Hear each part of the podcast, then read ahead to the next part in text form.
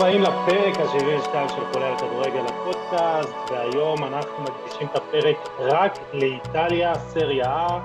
אה, גיל חובב הכדורגל האיטלקי, ולמרות שהוא אוהד יובל והעונה הזאת היא לא אה, הולכת טוב, אנחנו באמת, יש לנו מאבק אליפות.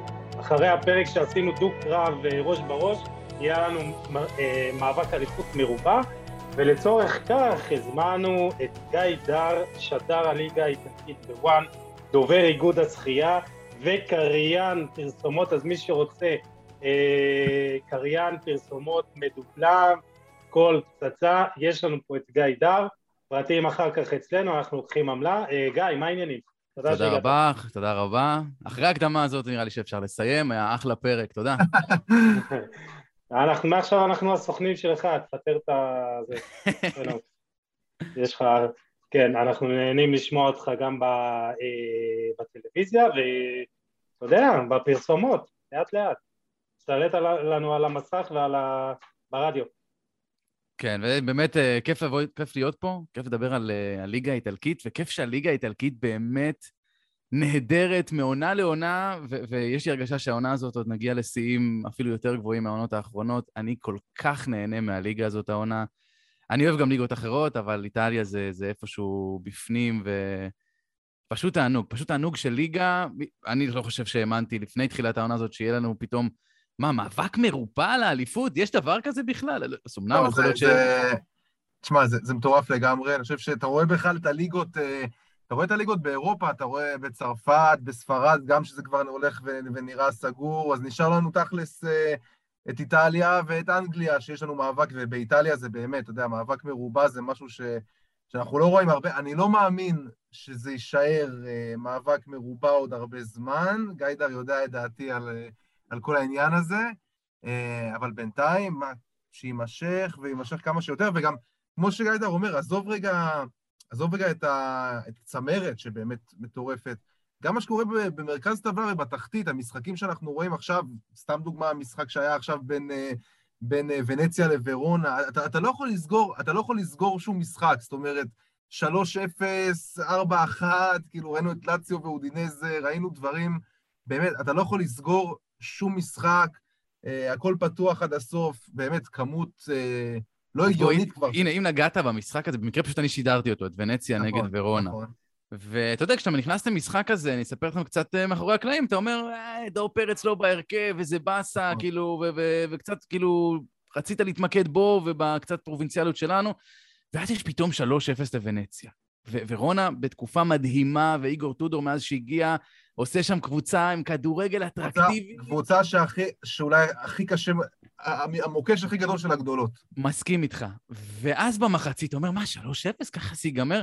עכשיו, אה, נכניס אתכם עוד קצת ככה מאחורי הקלעים, גש, העורך, גש גרייף, עורך הליגה האיטלקית, אוהד מילן, אוהד מילן שרוף. אוהד מילן שרוף, נכון, אה, קצת מעליך בטבלה, לא נורא, אבל אה, הוא אומר לי באוזנייה, רגע לפני שאנחנו חוזרים לשידור, הוא אומר לי, תקשיב, זה לא נגמר, ורונה מנצחת. אני אומר לו, די, נו, גש, מה אתה, זה, אתה, בסדר, הם טובים, אבל הגזמת, זה 3-0, והם נראו פח, מחצית ראשונה.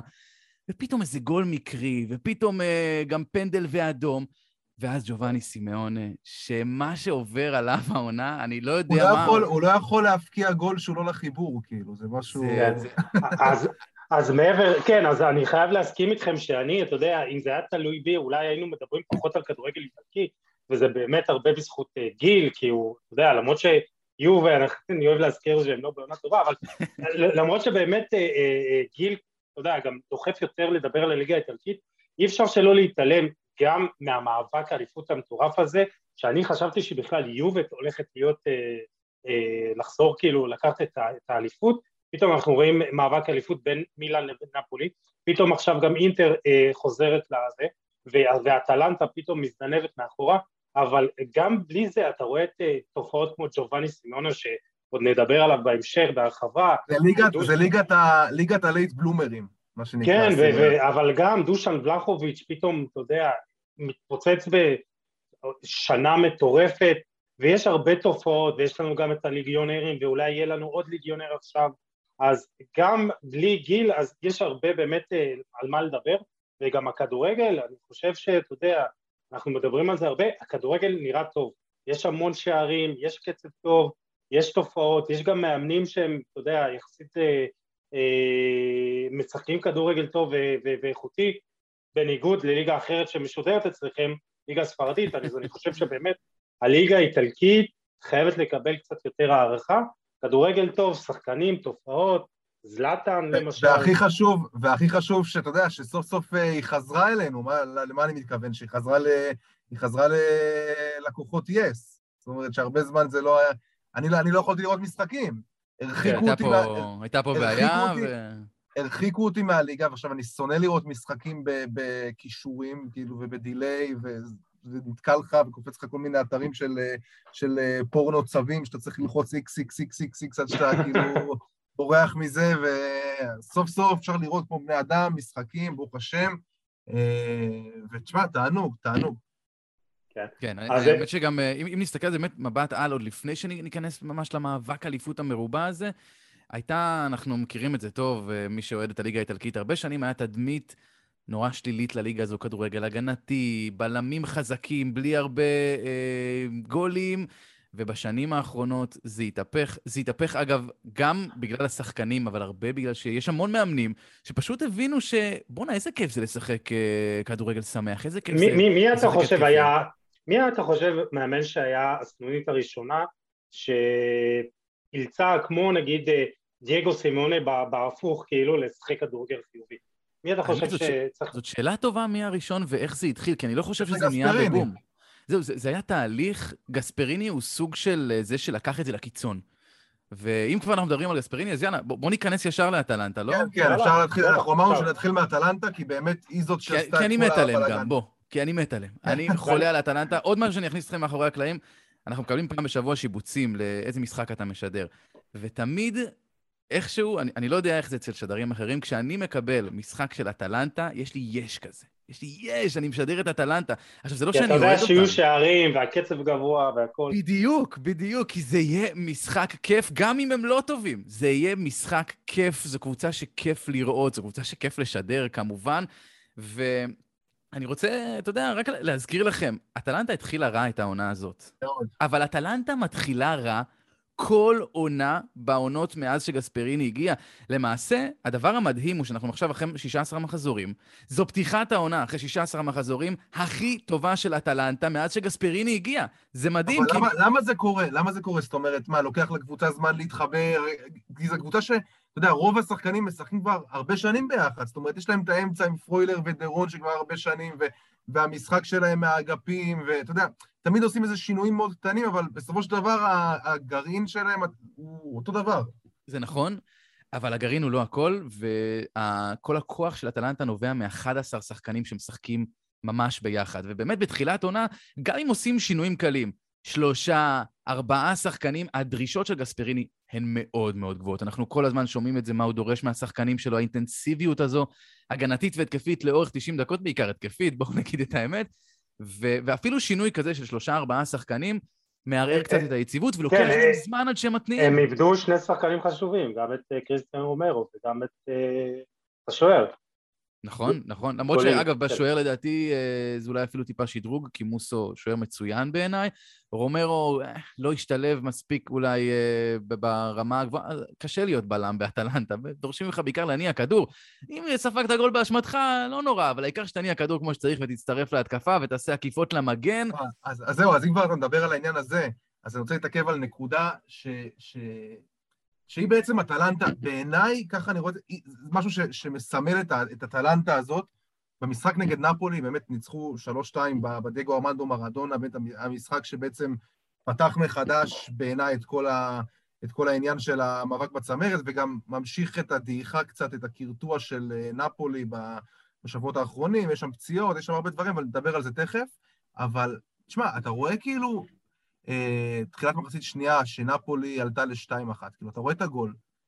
כאילו, דמירל עומד, שלושת הבלמים של אטלנטה עומדים כאילו מאחורי החצי. זאת אומרת, עומדים, זה, זה אין דברים כאלה.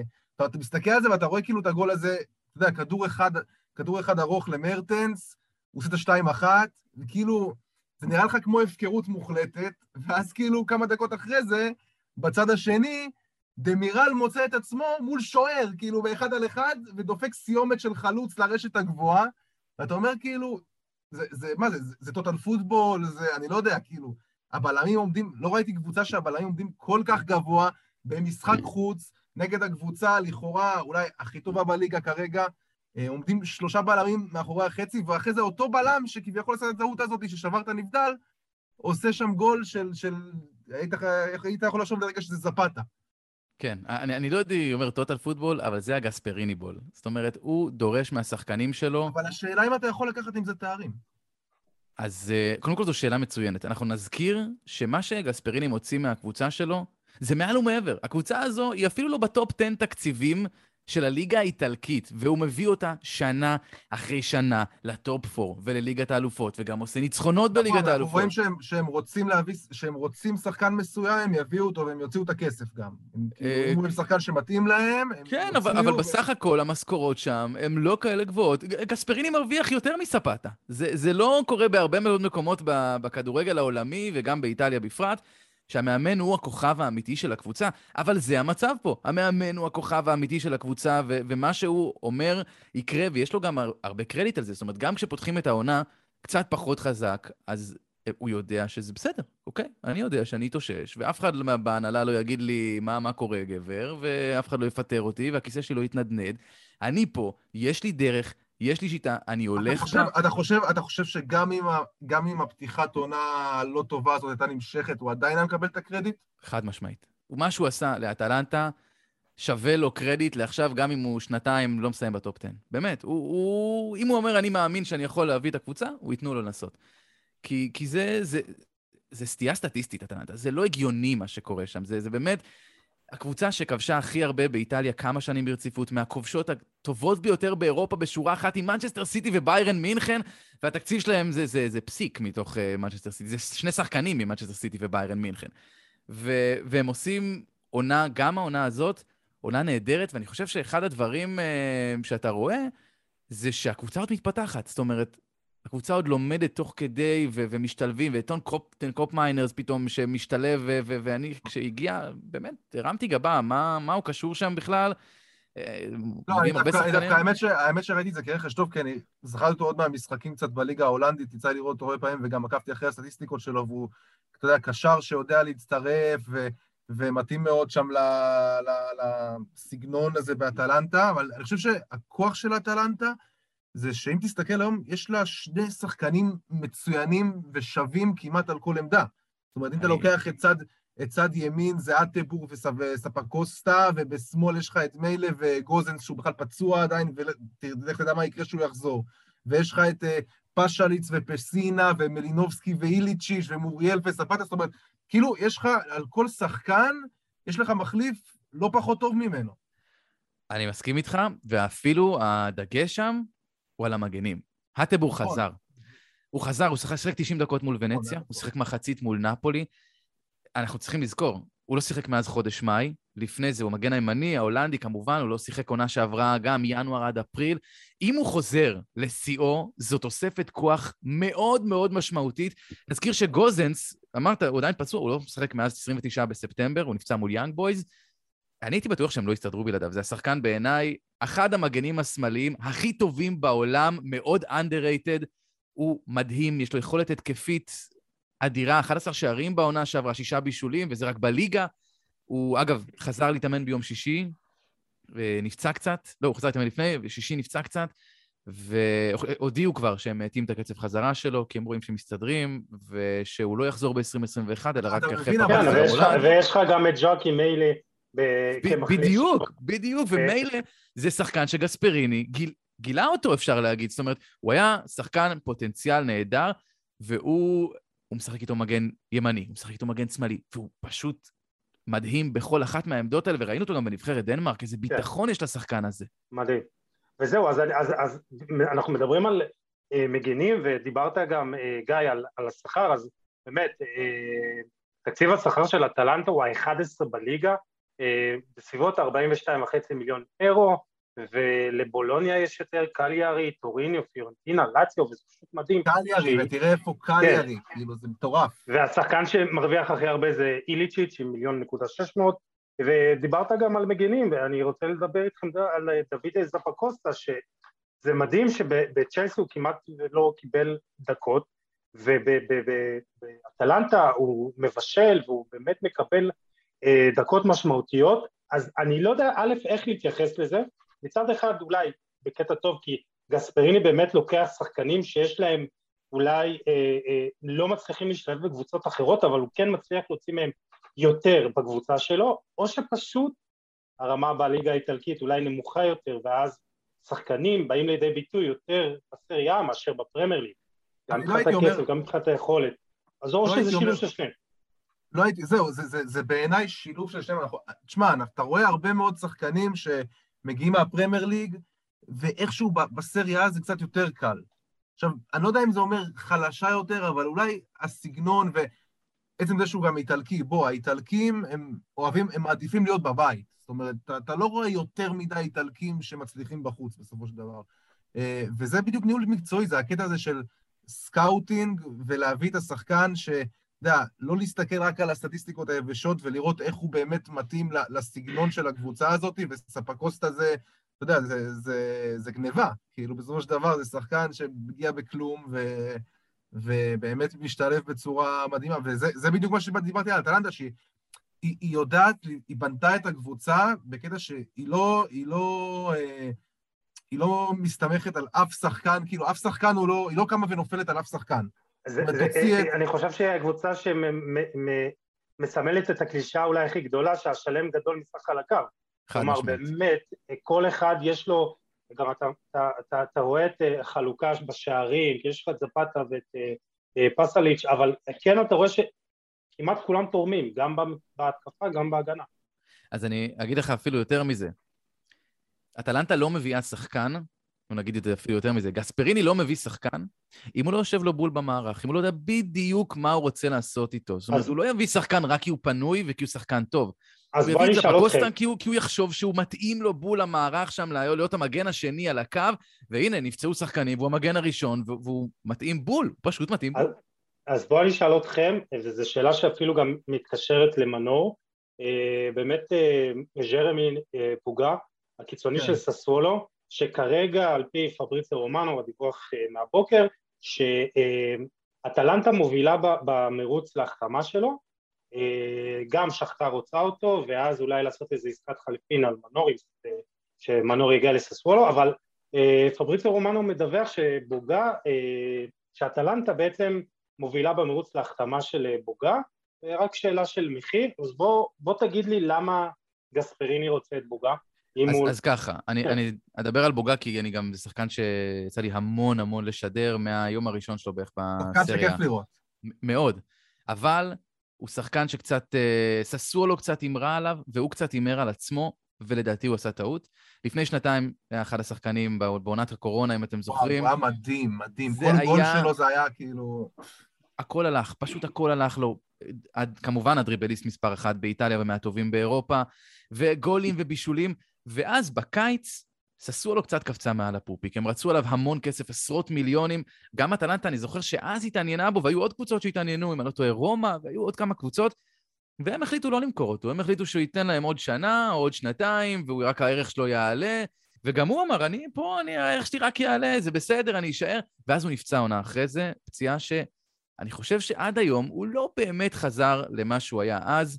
אה, הוא עדיין דריבליסט מדהים, הוא פשוט עושה דריבלים הרבה יותר רחוק מהשער, המספרים שלו כבר לא מגיעים, השערים והבישולים, אני חושב שגם עם דיוניזי קצת יותר קשה לו מאשר עם אה, אה, דזרבי. אני אגיד לך את האמת, אני לא בטוח, אני לא בטוח איפה הוא משתלב בדיוק במערך של אטלנטה, לא הצלחתי להבין את זה כי אטלנטה משחקת בעצם עם... עם שני מספרי עשר פחות או יותר, נכון? עם, עם מלינובסקי ו, ו, או פשליץ' או פסינה, שמצטרפים תמיד מאחורה מכף שני, אבל הוא שחקן שבאמת צריך את הכדור, אתה יודע, הוא שחקן כנף, כן.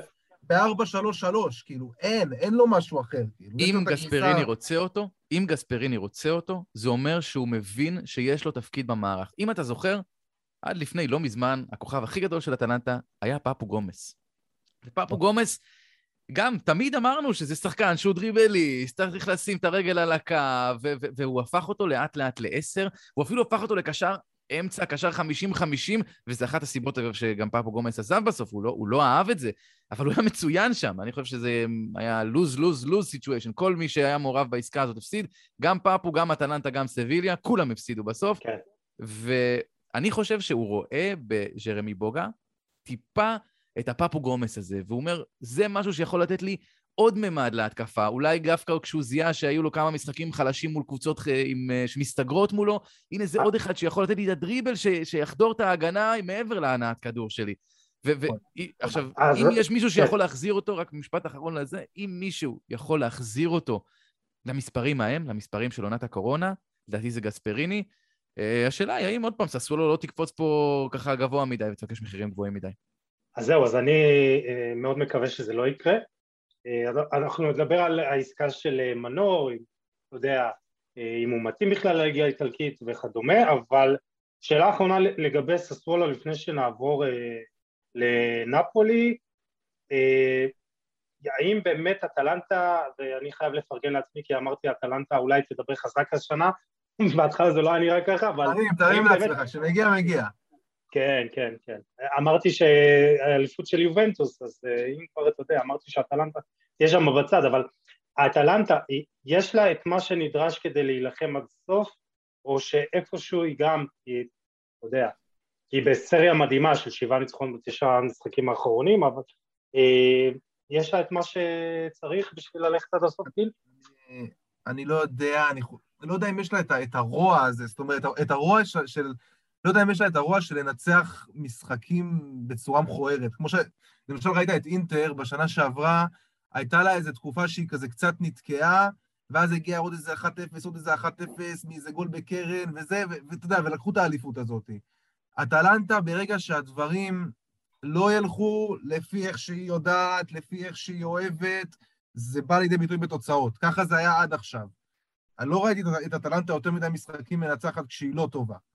אז uh, בקטע הזה, תשמע, מבחינת כישרון, מבחינת סגל, יש לה את כל מה שצריך. Uh, מהבחינה הזאתי, של להיות רעה, של לבוא גם לנצח את המשחקים נגד הגדולות, uh, אני עדיין נוטה לחשוב שזה לא יספיק. הלוואי וכן, אתה יודע מה, הלוואי, אני, אני כבר, אתה יודע, אני לא רלוונטי לכלום, אני לא אכפת לי כאילו כבר מה... רק תן לי... די, תשע שנים לקחתם אליפות, נו קצת לאחרים, זה בסדר. זהו, אני כבר נהנה, אתה יודע, כצופה מהצד, תן לי שתהיה מאבק אליפות מרובה עד הסוף, שיהיה כמה שיותר. אז בוא, אתה רוצה שאני אטיל פה פצצה? על אטלנטה? לוקחת אליפות, נו. לא, לא. אני חושב שהעונה של אטלנטה הולכת להיות מוכרעת ביום רביעי. במשחק מול ויה ריאל, הליגת האלופות. ההעפלה לשמינית זה סבבה, זה גם אגב אפשרי לגמרי, ניצחון משם, זה תלוי בה, סדר להם לפחות עוד שני משחקים, עוד יוקרה ו- ודברים כאלה. הגיע להם, הגיע שלישי... להם אחרי איך שנשדדו, אחרי איך שנשדדו שם נגד יונייטד. נכון, אבל, אבל שים לב לזה, מקום שלישי זה רע מאוד מבחינתם. כי קודם כל, לדעתי הם יעברו שלבים בליגה האירופית, ודבר שני, זה לא ייתן להם את ההצדקה להביא מספיק רכש בשביל שיהיה את העומק. בוא נגיד את זה ככה, אטלנטה, דיברת על עומק, על שני שחקנים בעמדה, אבל לא. אין להם מספיק עומק אה, להתמודד בשלושה מפעלים במקביל. שים לב לזה, אם בטעות הם מפסידים לוויאריאל, וגם יאנג בויז מנצחת את מנצ'סטר יונייטד, ואטלנטה במקום הרביעי ומודחת מאירופה לגמרי, אני אומר לך שהם רצים לאליפות. טוב, אה, מה אני אגיד לך? לא אמרתי לוקחים אליפות, הם ירוצו עד הסוף. כי יש להם. אני רוצה לראות אותם שם במרץ, מרץ-אפריל. אז אני אגיד לכם שמאבק האליפות לפעמים זה נופל בדברים הקטנים.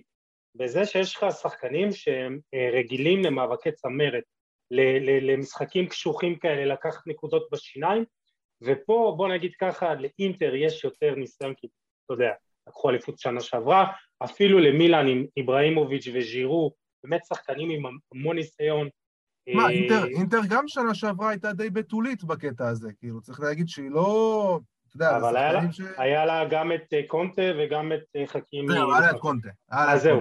אז בואו נדבר על נפולי דווקא. כן. באמת, שהיא הייתה נראית לי מבחינת ה... כל, השחק... כל הקבוצות בליגה, שהיא שיחקה את הכדורגל הכי איכותי. כדורגל לוחץ, לחץ גבוה, באמת, כדורגל התקפי, יש לה כוח התקפי מטורף, אתה אומר באמת, אה, כל כך הרבה שחקנים, אבל זה היה נראה ש, שאתה מוציא להם את השחקן שניים האלה, ומתפרקת. ראית את ויקטור אוסימן אה, פצוע, זה לא אותו דבר, גם אה, קוליבלי פצוע זה לא אותו דבר, אז אתה יודע, יש עוד מעט גם את אליפות אפריקה, אתה יודע, אז אתה מוציא להם את השחקנים האלה, כאילו זהו, אז אני לא בטוח שיש להם את מה שנדרש כאילו לריצה לטווח ארוך. ניצחון אחד, ניצחון אחד בחמישה משחקים, ואתה רואה גם את החסרונות במשחקים האחרונים, גם בלי אינסיני, אבל תשמע, אתה יודע, הוא סימן נפצע, אבל דריס מרטנס כאילו פתאום פורח. השחקן כן. הזה, תקשיב, הוא כבר, אתה יודע, היו כאלה שכבר אה, דיברו עליו שהוא גמר את הסוס שלו בנפולי, ואין, הוא כל פעם שהוא נכנס, זה כוכב כדורגל, כאילו, הגולים שלו, זה, זה, זה אין דברים כאלה. כן, אני חושב שאגב, לגבי מרטנס, נזכיר, הוא בן 34, הוא לא התחיל את העונה, הוא התחיל את העונה מאוחר, הוא היה פצוע, ואני חושב שהסיבה שזה כל כך עובד אצלו, נראה לי שהוא מבין את המקום שלו. הוא מבין שוויקטור אוסימן זה החלוץ הראשון של הקבוצה, והוא יבוא ויחליא מחליף, והוא יעלה כשהוא פצוע, כי הוא פציע מאוד אוסימן, והוא ייתן את העבודה. זה מדאיג, זה, אתה אומר פציע, זה כבר מדאיג, זה פציעה רצינית כן. שנייה שלו כבר מאז שהוא הגיע לנפולי. אפילו יותר מזה, ואנחנו זוכרים הייתה לו את הפציעה בראש, והיה לו עוד כמה, הוא... זה, זה נכון, זה מדאיג, זה שחקן שהרכש הכי יקר של נפולי בכל הזמנים, ו... ונראה שהוא לא יכול לתת אה, עונה מלאה, עונה רצופה, זאת אומרת, זה, זה באמת באמת בעייתי. אני אגיד לך ככה, נפולי משחקת כדורגל נהדר מתחילת העונה, הכדורגל של ספלטי הוא כיפי גם, אמרנו אטלנטה, גם נפולי, פשוט כיף לראות אותם. אבל לי יש תחושה ש-11 המשחקים הראשונים היו, שהם לא הפסידו, היו סטיית תקן לכיוון אחד, החמישה משחקים האחרונים, זה הסטטיסטיקה שמתיישרת. זאת אומרת, אם נסתכל באמת על החמישה משחקים האלה, זה הפסדים לאינטר ואטלנטה. לא, שזה... זה, התחיל אבל, זה התחיל אבל עוד מהמשחק נגד סלרניטנה שם, שהם ניצחו... נכון, נכון. זה, אבל שוב, ולא זה... נראו טוב. ו... הסטטיסטיקה מתיישרת, זה לא קבוצה מספיק טובה כדי להיות פה באלופה בפער עשר, וזו קבוצה שהיא... אבל היא לא, אורן, היא לא. אורן, אורן קדוש יחלוק עליך, נראה לי. אני יודע, יש לנו דיונים על זה הרבה, אורן קדוש הוא חבר יקר, אה, הם משחקים כדורגל, אני חושב שגם הוא וגם אני מאוד מאוד אוהבים את הכדורגל ש... שספלטי משחק. זה התחיל, אגב, זה, זה דרך של גטוזו, זאת אומרת, זה דרך שהתחיל גטוזו, וספלטי לקח את זה ממקום שהוא הפסיק, ורק משפר את, ה, את הקבוצה מאז. אני חושב ש... שוב, אם נחזור למשחקים האחרונים, הפסידו לאינטר, הפסידו לאטלנטה, תיקו מול ורונה, שזה באמת הגיוני, זאת אומרת, זו קבוצה שהיא מאוד חמה בליגה עכשיו. רק מול ססוולו זה באמת היה די, לא ביזיון, אבל ממש לא לעניין, לאבד אה, יתרון שני שערים וכאלה. אה, נפולי יכולה להתמודד על התואר, אבל היא לא קבוצה שתדרוס שבע כל משחק, היא אחת שתדרוס שבוע אחד שבע, ושבוע אחרי זה תעשה תיקו עם ססוולו ותאבד יתרון שני, שני שבע, שערים. שבע זה שמור, שבע זה שמור רק לאטלנטה, עזוב. כן, לא... כן, יצא לי לשדר שתי שביעיות שלהם, זה... היה להם, בעונה שהם נסעו כמה? שלוש שביעיות? היה עונה של שלוש שביעיות, אחת מהן כן. נדמה לי מול אה, אודינזה, שאחריה פוטר המאמן, היה להם חמישייה מול מילאן, שגם יצא לי לשדר, שאחריה, גם אחריה הגיע זלאטן בעצם, בזכות החמישייה הזאת, אגב, זלאטן כתב על זה עכשיו אה, בספר שלו, בפריוויו לספר, שכאילו... אה, וואי, חמישייה מהדהדת, אני זוכר את זה. אחת הסיבות העיקריות, כן, אחת הסיבות העיקריות שהוא הגיע למילאן, זה שהוא אמר לסוכן שלו, מינו ריולה, איזה קבוצה הכי צריכה אותי, ובדיוק היה את החמישייה, הוא אמר, הנה, מילאן הכי צריכים אותך. ולשם הוא הלך, ואנחנו, אני מניח שניגע במילאן אה, בהמשך, כן, הם, כן. הם, עדיין, הם עדיין צריכים אותו, אם עוד uh, מילה לגבי, uh, לגבי נפולי, יש להם uh, עוד משחק, וזה גם קשור שוב למילאן, יש להם עוד משחק ישיר לפני הפגרה, מול מילאן בסנסירו. וזה יכול להיות קרב שהוא... Uh, uh, זה, זה, לא, זה לא שזה יכריע את האליפות, אבל זה יהיה איזשהו סוג של סמן כיוון. לגמרי עבור נפולי, אם מנצחת את המשחק הזה בסנסירו, זה לגמרי לרוץ עד הסוף. זה, כרגע אני חושב שמילאן נראית יותר יציבה. זה מריח לי, זה מריח לי כמו מסוג המשחקים האלה שמילאן מנצחת אותם בסוף. לא יודע, ככה זה מריח לי, אבל... כן, קודם כל, אז, אז עוד לפני מילאן, יש לה ביום חמישי משחק אה, לסטר, מול אה, נכון. לסטר, אתה יודע, ניצחון והיא אה, בשלב הבא, אבל יכול להיות שגם, גיא, אתה יודע, כמו שאמרת על אטלנטה, אולי שווה, לה, שווה להם במחאות, אף אחד, אף שחקן לא יעלה במטרה להפסיד, אבל גם אם הם מפסידים, אתה יודע, זה, זה, אתה יודע, כאילו, לבטל את העונה האירופית, להתרכז בליגה. יש בעיה. יש כן. בעיה, כי אם הם מפסידים, יש סיכוי לא רע שהם יהיו בקונפרנס, כאילו, ב- בליגה האזורית, נכון? מקום שלישי. אי אפשר להיפטר, אי אפשר להיפטר מהדבר הזה. זה רגע, מה? בבושקה של ליגות יש לך, זה כן, בעייתי. ליגה, הכל צפוף, כולן באמת יכולות לה- אתה יודע, להגיע המקום- לכל. כן, יוסי, המקום- המקום השלישי בקונפרנס הוא לשחק בליגת העל. הלוואי, הלוואי. כן. אבל, אבל אה, האמת היא שאני מסכים איתך, זה באמת מרגיש, כי גם נפולי, ויש עוד קבוצות כאלה, וגם רומא, אנחנו רואים את זה מאוד, שלליגות האלה קצת תקועות להם כמו עצם בגרון, ואין להם כוח למשחקים האלה ביום חמישי, הם רוצים, תן להם להתכונן בשקט לליגה. אני לא יודע אם זו הגישה הנכונה, אבל זו הגישה, כן. ו- ושוב, לסטר, אה, זה יהיה משחק, משחק שמנצחים הם עולים, אה, גם- אני חושב שגם תיקו יכול להספיק להם. אני אגיד לך קיצור, מה, זה- זה- זה חודש, חודש קריטי, כי יש גם אה, אחרי הפגרה עוד, אבל... רגע, יוסי, תן לי לי ליובה, מילה- כן. עוד כן, כן, מילה כן. על נפולי. עדיין, עדיין. עוד מילה על נפולי. אמ, אני, אני צריך לראות, צריך לראות אם, אה, אם באמת ספלטי זה מאמן לאליפות. ואני אסביר למה. גם במשחק האחרון נגד אטלנטה, אה, הייתה לו החלטה די משונה, הוא כבר הוא התחיל את זה גם לפני זה, אבל הוא אמר גם שהוא ניסה להתאים את עצמו לאטלנטה, הוא עלה עם שלושה בלמים, הוא עלה ב-3-4-3 כזה. זה לא עבד הגנתית.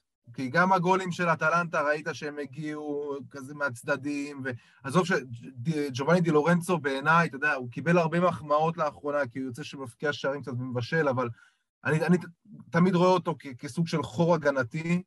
אה, צריך לראות אם ספלטי זה מאמן, זה מאמן של אליפות, כי בעיניי כרגע, מבין כל המאמנים ברביעייה, אני לא יודע, אני לא יודע אם הוא, אם הוא האיש שיכול להוביל את הקבוצה הזאת לסקודטו לאור ה... כאילו, מה זה, אתה יודע, משחק בית נגד אטלנטה, אתה בא ומנסה להתאים את עצמך? דווקא יש איזושהי גישה שאומרת, קודם כל, אני, אני אוהב את ספלטי, אני מאוד מחבב את הכדורגל שלו, כבר אמרתי את זה בהתחלה. אה, אמנם אה, עוד אין לו אליפות, אבל יש לו לדעתי שני גביעים עם רומא. אה, וזה כן. זה גם נחמד, לקחת תואר עם רומא, זה לא כל אחד עושה. אה, אני אגיד לך ככה, יש איזו אמירה של מאמנים שאומרים שאם אתה חושב שאתה יותר איכותי מהיריבה שלך, תשחק בדיוק כמוה והאיכות תנצח. אבל לדעתי פה ספלטי טעה, כי, כי יכול להיות שהוא יותר איכותי מאטלנטה, שחקן מול שחקן, אבל כקבוצה, זה לא המצב שאתה משחק בדיוק כמו אטלנטה. אני, אני מסכים איתך, הוא טעה בגישה שלו. לא, הוא, אגב, אני הוא לא, גם לא מודע מצליח. להבין את זה. אם הולך לך בזה. משהו, הולך לך משהו כל... אני יודע, אם הולך לך משהו כל העונה, בצורה מסוימת, ב-4-3-3 הזה, תמשיך לשחק ככה, כאילו, תמשיך, תמשיך, וזה יעבוד. כן, אבל הוא ראה שיש לו הרבה חיסורים, והוא אמר, אולי ננסה להפתיע קצת את גספריני. העניין הוא שלא מפתיעים את גספריני, גספריני מפתיע אותך. טוב, אנחנו בסוף תמיד חוזרים לאטלנטה, כאילו, בכל השיחה. אבל לא משנה, בואו נתק- בואו נתקדם. מקווה שלא נגיע לאטלנטה גם כשנדבר על מילאן. עוד נגיע, אנחנו כן. נדחוף אותם איכשהו. כן. גם אה, כשנדבר על ונציה, אנחנו נגיע לטלנטה בסוף, זה לא... כן.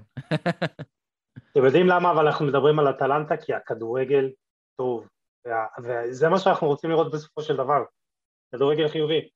נכון. כן, לגמרי. אז אה, טוב, אז אה, לא אטלנטה, מילאן. אה, גם פה? גם פה, גיל, כתבת לנו בליינאפ, סטפנו פיולי, מבחינת, אם הוא גם מאמן שיכול להביא אליפות, כי אתה יודע, בסופו של דבר גם פה, אתה יודע, כל המאמנים יכולים לקחת אליפות פעם ראשונה, נכון? אם אני לא טועה. אמ, של כל כן. הרביעייה. אלא אם נכון. כן אה, אלגרי פתאום יפתיע עם איזה ריצה מטורפת. אם- אלגרי יהיה בקונפרנס ליג, אה, כן. בוא נגיד שזה יהיה... אבל אה, תשמע, פיולי יכול לעשות, כן, אם, אם אתה לוקח את השנתיים האחרונות, כאילו, פיולי, מה שהוא עושה במילאן, תקשיב, זה, זה לא יאמן מה שהוא עשה מהקבוצה הזאת, כאילו, הבן אדם כבר היה רגל וחצי בחוץ, כבר הביאו את רנגניק, כאילו, על הראש שלו, ואיך שהוא...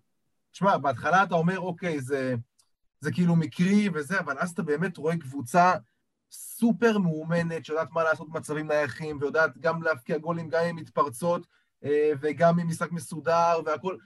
אבל עדיין יש לו, יש לו לפעמים החלטות קצת מוזרות, אה, כמו למשל המשחק נגד ססואלו, פתאום להוציא את בראים דיאז, אה, וכל מיני דברים, דברים כאלה של התחכמויות כאלה, שזה נראה לפעמים שזה קצת, ההצלחה כזה קצת עלתה לו, אבל שמע, הם גם, גם הם עברו את התקופה הפחות טובה יחסית בסדר, עכשיו היה להם שני משחקים נגד, אה, באמת שתי הקבוצות הכי חלשות בליגה, זה לא מדד, גנואה וסלרניטנה, זה שתי קבוצות, אפילו אנחנו, אפילו אנחנו נראינו מולם כמו ביירן מינכן, אמ, אז עדיין צריך לראות באמת איך הם, איך הם, אה, איך הם יהיו הלאה.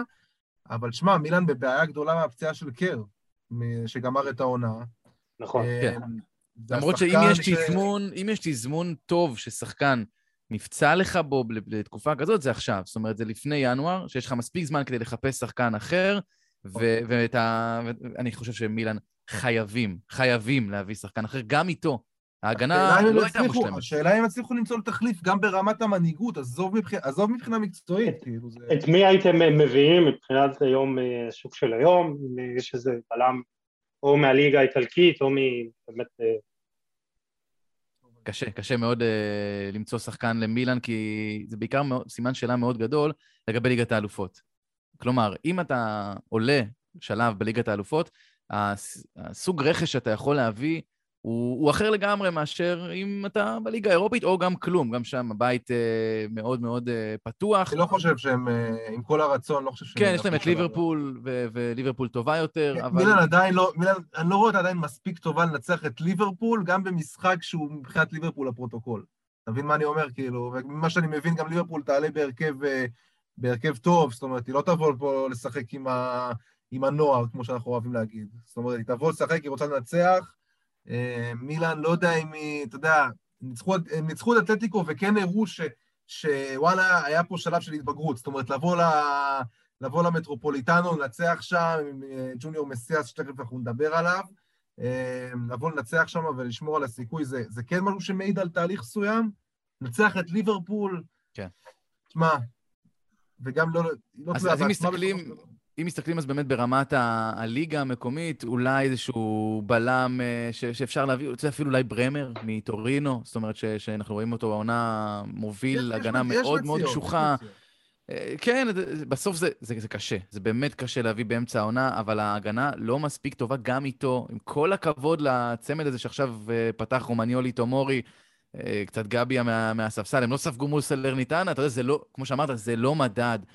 והם יהיו חייבים לעשות רכש, זה, זה אובדן משמעותי, אני מסכים איתך, זה מנהיג ש, שאין כמוהו אה, לקבוצה, לחוליה הזאת, לחוליית ההגנה, ועדיין, אה, אם, אם חוזרים שוב לפיולי, אני מכה על חטא בקטע הזה. אני חשבתי אחרי ג'אם פאולו, אחרי שג'אם פאולו עזב אה, והגיע, פוטר והגיע פיולי, אמרתי, אוקיי, אז זה עוד אחד סוג של ג'אמפאולו למתקדמים כזה. זה, זה מדהים, כי הוא היה סוג של כזה, אתה יודע, מאמן שוליים כזה, כאילו, בסדר. כן, הוא, הוא אימן בפיורנטינה. אגב, אנחנו ניגע בבלחוביץ', הוא זה שהעלה אותו ונתן לו את הדקות הראשונות ככה יותר משמעותיות בפיורנטינה. הוא מאמן, שאני חושב שהתכונה אולי הכי חשובה שהוא הביא איתו למילאן, זה שקט. הוא נתן איזשהו שקט כזה של הכל בסדר, וזה חשוב מאוד לקבוצה שהייתה לחוצה. אתם זוכרים איפה מילאן הייתה כשהוא הגיע? איזו קבוצה נוראית ומחרידה, וכשישטוף פיונטק, בוא, זה היה הכוכב שלהם, ואיפה הוא היום, אה, אתם יודעים, כבר... זה לא הכוכב שציפו שהוא יהיה. ו- ופיולי הביא את השקט הזה, ויחד איתו זלאטן הביא אה, עוד פעם את המנהיגות הזאת ואת האמונה שזה אפשרי. וכשיש את שתי התכונות האלה, להרבה שחקנים צעירים, כי שוב, מילאן היא קבוצה צעירה, תסתכלו על הסגל שלהם ועל החבר'ה שפותחים בהרכב, זה בני 20, 22, 23, אז כן, לצידם אה, יש מי שמיישר את הסטטיסטיקה, את זלאטן, שהוא גם עד גיל 50 יכול לפתוח בהרכב, אבל uh, זה, זה, זה חשוב, כי הם השניים שמובילים, בוא נגיד, את השדרה המנטלית של הקבוצה. זה, זה זלאטן. אני חושב שגם במילאן, אני חושב שגם במילאן יש תחושה כזאת של הרבה שחקנים ש... שכאילו פתאום קיבלו את ההזדמנות הזאת, אתה מבין מה אני אומר? נגיד, אה, תאו הרננדס כזה, ש... שאף פעם לא נספר באמת בריאל מדריד, ו... וזלאטן שלא דמיינו שהוא יחזור לאירופה, ואף אחד בתכלס לא באמת הייתה לוקחת אותו באירופה ברמות האלה. אמ, כן, וגם דיאס, גם בראים דיאס זה. זהו, בראים דיאס, זה בדיוק מי שחסר לי, כאילו, שרציתי להגיד אותו. בראים דיאס, גם, שחקנים שיש להם, אה, אתה רואה גם במשחק שלהם, שיש להם המון מה להוכיח כל הזמן. כן, זה נכון, כאילו, זה, זה נכון זה, לגמרי, זה... ושוב, ויש לך, וכשיש לך את זלאטן שם, אתה יודע, יש, אומרים שיש שחקנים שמאמנים על המגרש. אני חושב שזלאטן זה לא מאמן על המגרש, זה קואוצ'ר על המגרש. זאת אומרת, הוא זה שגורם לך להאמין שאתה יכול ולהוציא מעצמך יותר ממה שאתה באמת מסוגל. ו- וכל עוד הוא שם, אגב, לא צריך לשחק כל משחק, ואנחנו רואים שהוא מקבל הרבה פחות דקות העונה, גם בגלל פציעות, גם בגלל ככה לא, כן, הם למדו, כי בעונה שעברה, אתה זוכר, הם גמרו אותו. נכון, נכון, והוא נפצע להם בקטעים הכי קריטיים של העונה, והפעם הוא ככה לוקח את זה יותר רגוע, לדעתי הוא יישאר גם שנה הבאה, הוא חולם על uh, עוד מונדיאל, זה באמת... הוא לא סופר במספרים שלנו בכלל, זה לא, זה, יש שנות כלב, יש שנות זלאטן. כל שנה אנחנו אומרים, טוב, בטח זאת השנה האחרונה של זלאטן, והוא כאילו, בראש שלו, נראה לי יש תוכניות אחרות לגמרי. כאילו. לא, לא, הנה, עכשיו אני בדיוק אה, כזה קורא כמה ציטוטים שלו, שהוא אה, הוא מרגיש שהחוזה שלו אף פעם לא נגמר, כאילו, הוא לא, הוא, הוא לא רוצה ל... להפסיק לשחק, ואתה יודע. כל עוד הוא ירצה להיות במילאן, הוא יהיה במילאן. זה נראה לי כבר, הוא הרוויח את זה ביושר, ובשנה הבאה בטוח, אחרי זה כבר, כבר כן. נדבר. בואו נדבר על איזה תופעה מעניינת. אני, אני אוהב סיפורים, באמת. זה, זה פשוט מרגש אותי כל פעם לראות איזה, פתאום איזה, מישהו, דיברתם על late bloomerים, ואתה יודע, מי שבאמת אולי ה late בלומר הכי גדול זה ג'וניור מסיאס, שהסיפור שלו הוא פשוט מדהים, והוא מעמיד אולי את ה... אתה יודע, אולי הוא לא יהיה גדול כמו ג'יימי ורדי, אבל בן אדם שלא אה, האמין שבגיל, אה, כמה הוא עכשיו, 30? 29, 28? עכשיו הוא 29. כן, 30, 30, 30, 30, 30 וחצי אפילו, וזה בן אדם שבקושי קיבל דקות, ניצח את אתלטיקו מדריד, וכבש סמד אה, מול גנואה, כאילו זה כיף לא, לראות שחקנים כאלה. יוסי, הבן אדם הזה שיחק עד לפני כמה, שנתיים, הוא שיחק, שנתיים שלוש, משהו כזה, הוא שיחק בליגות חמישית ושישית, זה שחקן שבא, שאף אחד לא ספר אותו, אף אחד לא ספר אותו בברזיל, הוא ואח שלו עלו לאיטליה כדי, כדי למצוא קבוצת כדורגל לשחק בה, הוא שיחק בליגה שישית, אחרי זה היה לליגה חמישית, מפה לשם איכשהו... הוא ויתר על החלום של הכדורגל בגיל 20, אמר אני רוצה להתפרנס. הוא עבד כשליח, הוא עבד כשליח בגיל 25 בטורינו. מוביל מקררים, תמיד היה מוביל מקררים.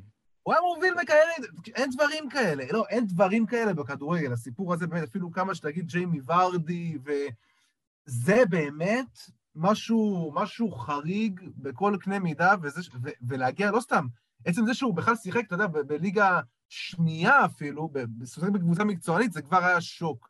אחרי זה הוא שיחק בליגה ראשונה, ואחרי זה עוד מגיע למילאן.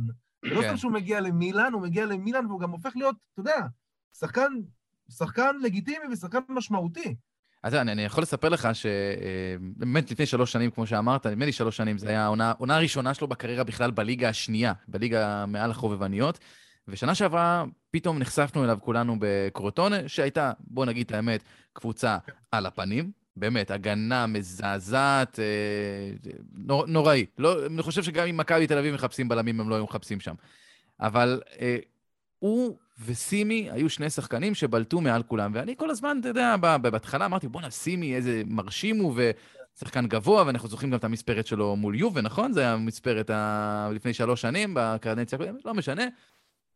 וכל הזמן, אם, אם דיברנו גם על קדוש, אז נזכיר אותו שוב, כי מהרגע הראשון הוא אמר לי, תקשיב, זה לא משנה אם קרוטוני יורדת, ג'וניור מסיאס חייב למצוא קבוצה בסריה, הוא שחקן על, וזה עוד לפני שהוא באמת uh, שם את כל השערים והבישולים, והוא משחק כדורגל מתוך איזושהי תשוקה ותחושת הישרדות, זה ממש מרגיש ככה. הוא נות... כשהוא נותן ספרינט לכדור, אתה רואה את, לפעמים את הפנים שלו, כשהוא נותן ספרינט לכדור, ואתה רואה את ה... ש... שהוא כולו שם, הוא כולו שם. וזה עוד שחקן, וזה עוד שחקן במילאן, ש... שיגיד תודה על כל הזדמנות שהוא לובש את החולצה הזאת, אתה מבין את זה? כאילו, זה אתה האמנת שהוא יגיע, שבאמת, אפילו אחרי עונה שעברה שהוא נתן עונה טובה בקרוטונה, היה כוכב יחד עם סימי, הכוכב של הקבוצה, תשעה שערים, ארבעה בישולים, בקבוצה שכבשה סך הכל איזה שלושים. לא, לא, הוא אחראי של שליש מהשערים. כן, הוא אכל שליש מהשערים כן. של קורטונה. מישהו האמין שהוא יגיע למילאן, והוא גם, אגב, אה, זה היה ממש כבר לפני סגירת החלון, כאילו אחרי uh, הרכש, אמרו, יאללה, בוא, בוא ניקח אותו, בוא נזרום עם זה. והנה הבן אדם הזה, כמו שאמרתם, מנצח משחק בליגת האלופות ועושה צמד בליגה, והוא לא שיחק הרבה, ואני מאוד מאוד מקווה שהוא ישתלב יותר ויותר ברוטציה, כמו שכבר עכשיו זה נראה שהולך לקרות, כי, כי באמת זה סיפור סינדרלה שהוא, אני חושב, השראה לכל ילד ו... או ילדה שמתחילים לשחק כדורגל ורוצים להיות ברמות הגבוהות, וגם אם הם לא מצליחים בגיל 12 להגיע לקבוצה הראשונה ומחליפים, ואתה יודע, במקום שאני נמצא בו, לא, אני... מה זה, אני מה זה ילד? זה, זה סיפור השראה גם לשחקנים, אתה יודע, בליגות נמוכות. אבל זה, אתה יודע, זה מתחיל משם. 20 אני, פלוס. מדבר, אני מגיע ממקום, אתה יודע, אני, אני מגיע מהשחייה, ויש הרבה מאוד שחיינים שהם אומרים בגיל 15-16, יאללה, נו, אני לא אלוף ישראל עד גיל 16, אז אני, אני אפרוש, נו, אין לי מה לחפש פה. ו- ויש תמיד את הסיפורים האלה של ה late bloomers, גם בשחייה יש כאלה, אפילו מתן רודיטי, שהיה עכשיו מקום רביעי בא, באולימפיאדה, אז הוא late bloomer כזה, הוא אף פעם לא בלט בגילאים הצעירים, וזה סיפור השראה. אז פה בכדורגל, ג'וניור מסיאס הוא סיפור השראה לכולם, ו- וזה זה פשוט ש- מראה איך אתה יכול עם כישרון להגיע למקומות הכי גבוהים, ויש לי הרגשה שהוא רק התחיל. זאת אומרת, רק עכשיו, רק הוא התחיל. רק התחיל בגיל עצמו. 30 וחצי, אז באמת אה, צריך כן, לזכור. הוא רק התחיל, יש לו עוד הרבה מה לתת למילן. אז, אז באמת עוד קצת תאריכים, הוא, הוא הגיע לקרוטונה בעונת 19-20 אה, לסריה B וכבש את השער הראשון שלו שמה בדצמבר 2019. כלומר, לפני פחות משנתיים הוא כבש את השער המקצועני הראשון שלו והוא שיחק עד המשחק נגד אה, אתלטיקו מדריד 75 דקות ואז הוא ניצח את אה, אתלטיקו מדריד בליגת האלופות שאנשים חולמים רק לעלות על, על הדשא אה, וזה פשוט מדהים. הוא אומר, חשבתי על אלוהים באותו רגע וכאילו הסיפור נכ- נכתב על ידו, אז אני אומר באמת, אם יש לכם חלום, תלכו אחריו, בסוף תגיעו ותגשימו אותו, זה גם בגיל 30 וחצי להפקיע בליגת האלופות, אז הכל יוסי, בסדר. אתה אומר, עוד יש לי, אתה אומר עוד יש לי תקווה בגילי, אני יכול רגע... ראיתי אותך משחק, גיל, אין לך תקווה. הלאה. לא, למה אתה אומר ככה? היה שם, נכנס לדעתי כדור מדהים שם ל... רגע, אה, יש- סתם. מקנית, אתה סתם מקנית, אתה בסדר יש גמור. טורניר תקשורת אה, נבחרת וואן, משהו? היה, היה, ודווקא גיל אה, כיכב שם. כן, באמת? בגלל הקורונה לא היה שנה שעברה, נכון? שנה שעברה לא היה, זה היה לפני שנתיים. ניצחנו יאללה, את... אה, תזמינו אותי, אני- בפנדלים. אני- אני אסקר את זה מהצד, אה, אבל אה, טוב, לא הזכרנו את אטלנטה בזה, אבל זה חמור מאוד, אבל בוא נדבר על אינטר. סליחה, הזכרנו את סימון קר, והוא הגיע מאטלנטה ולא הצליח שם. הלאה, אתה יכול להמשיך. יאללה, סגור.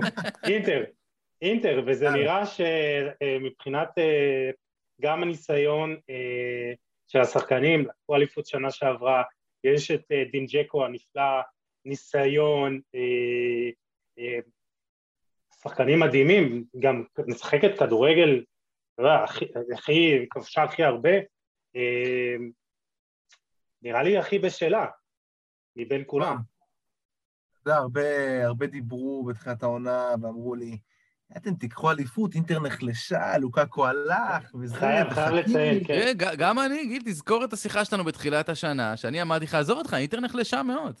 נכון, אתה גם אמר, יפה, יפה שאתה לך, מודה, אתה גם אמרת לי את זה. מכה על חטא, לגמרי.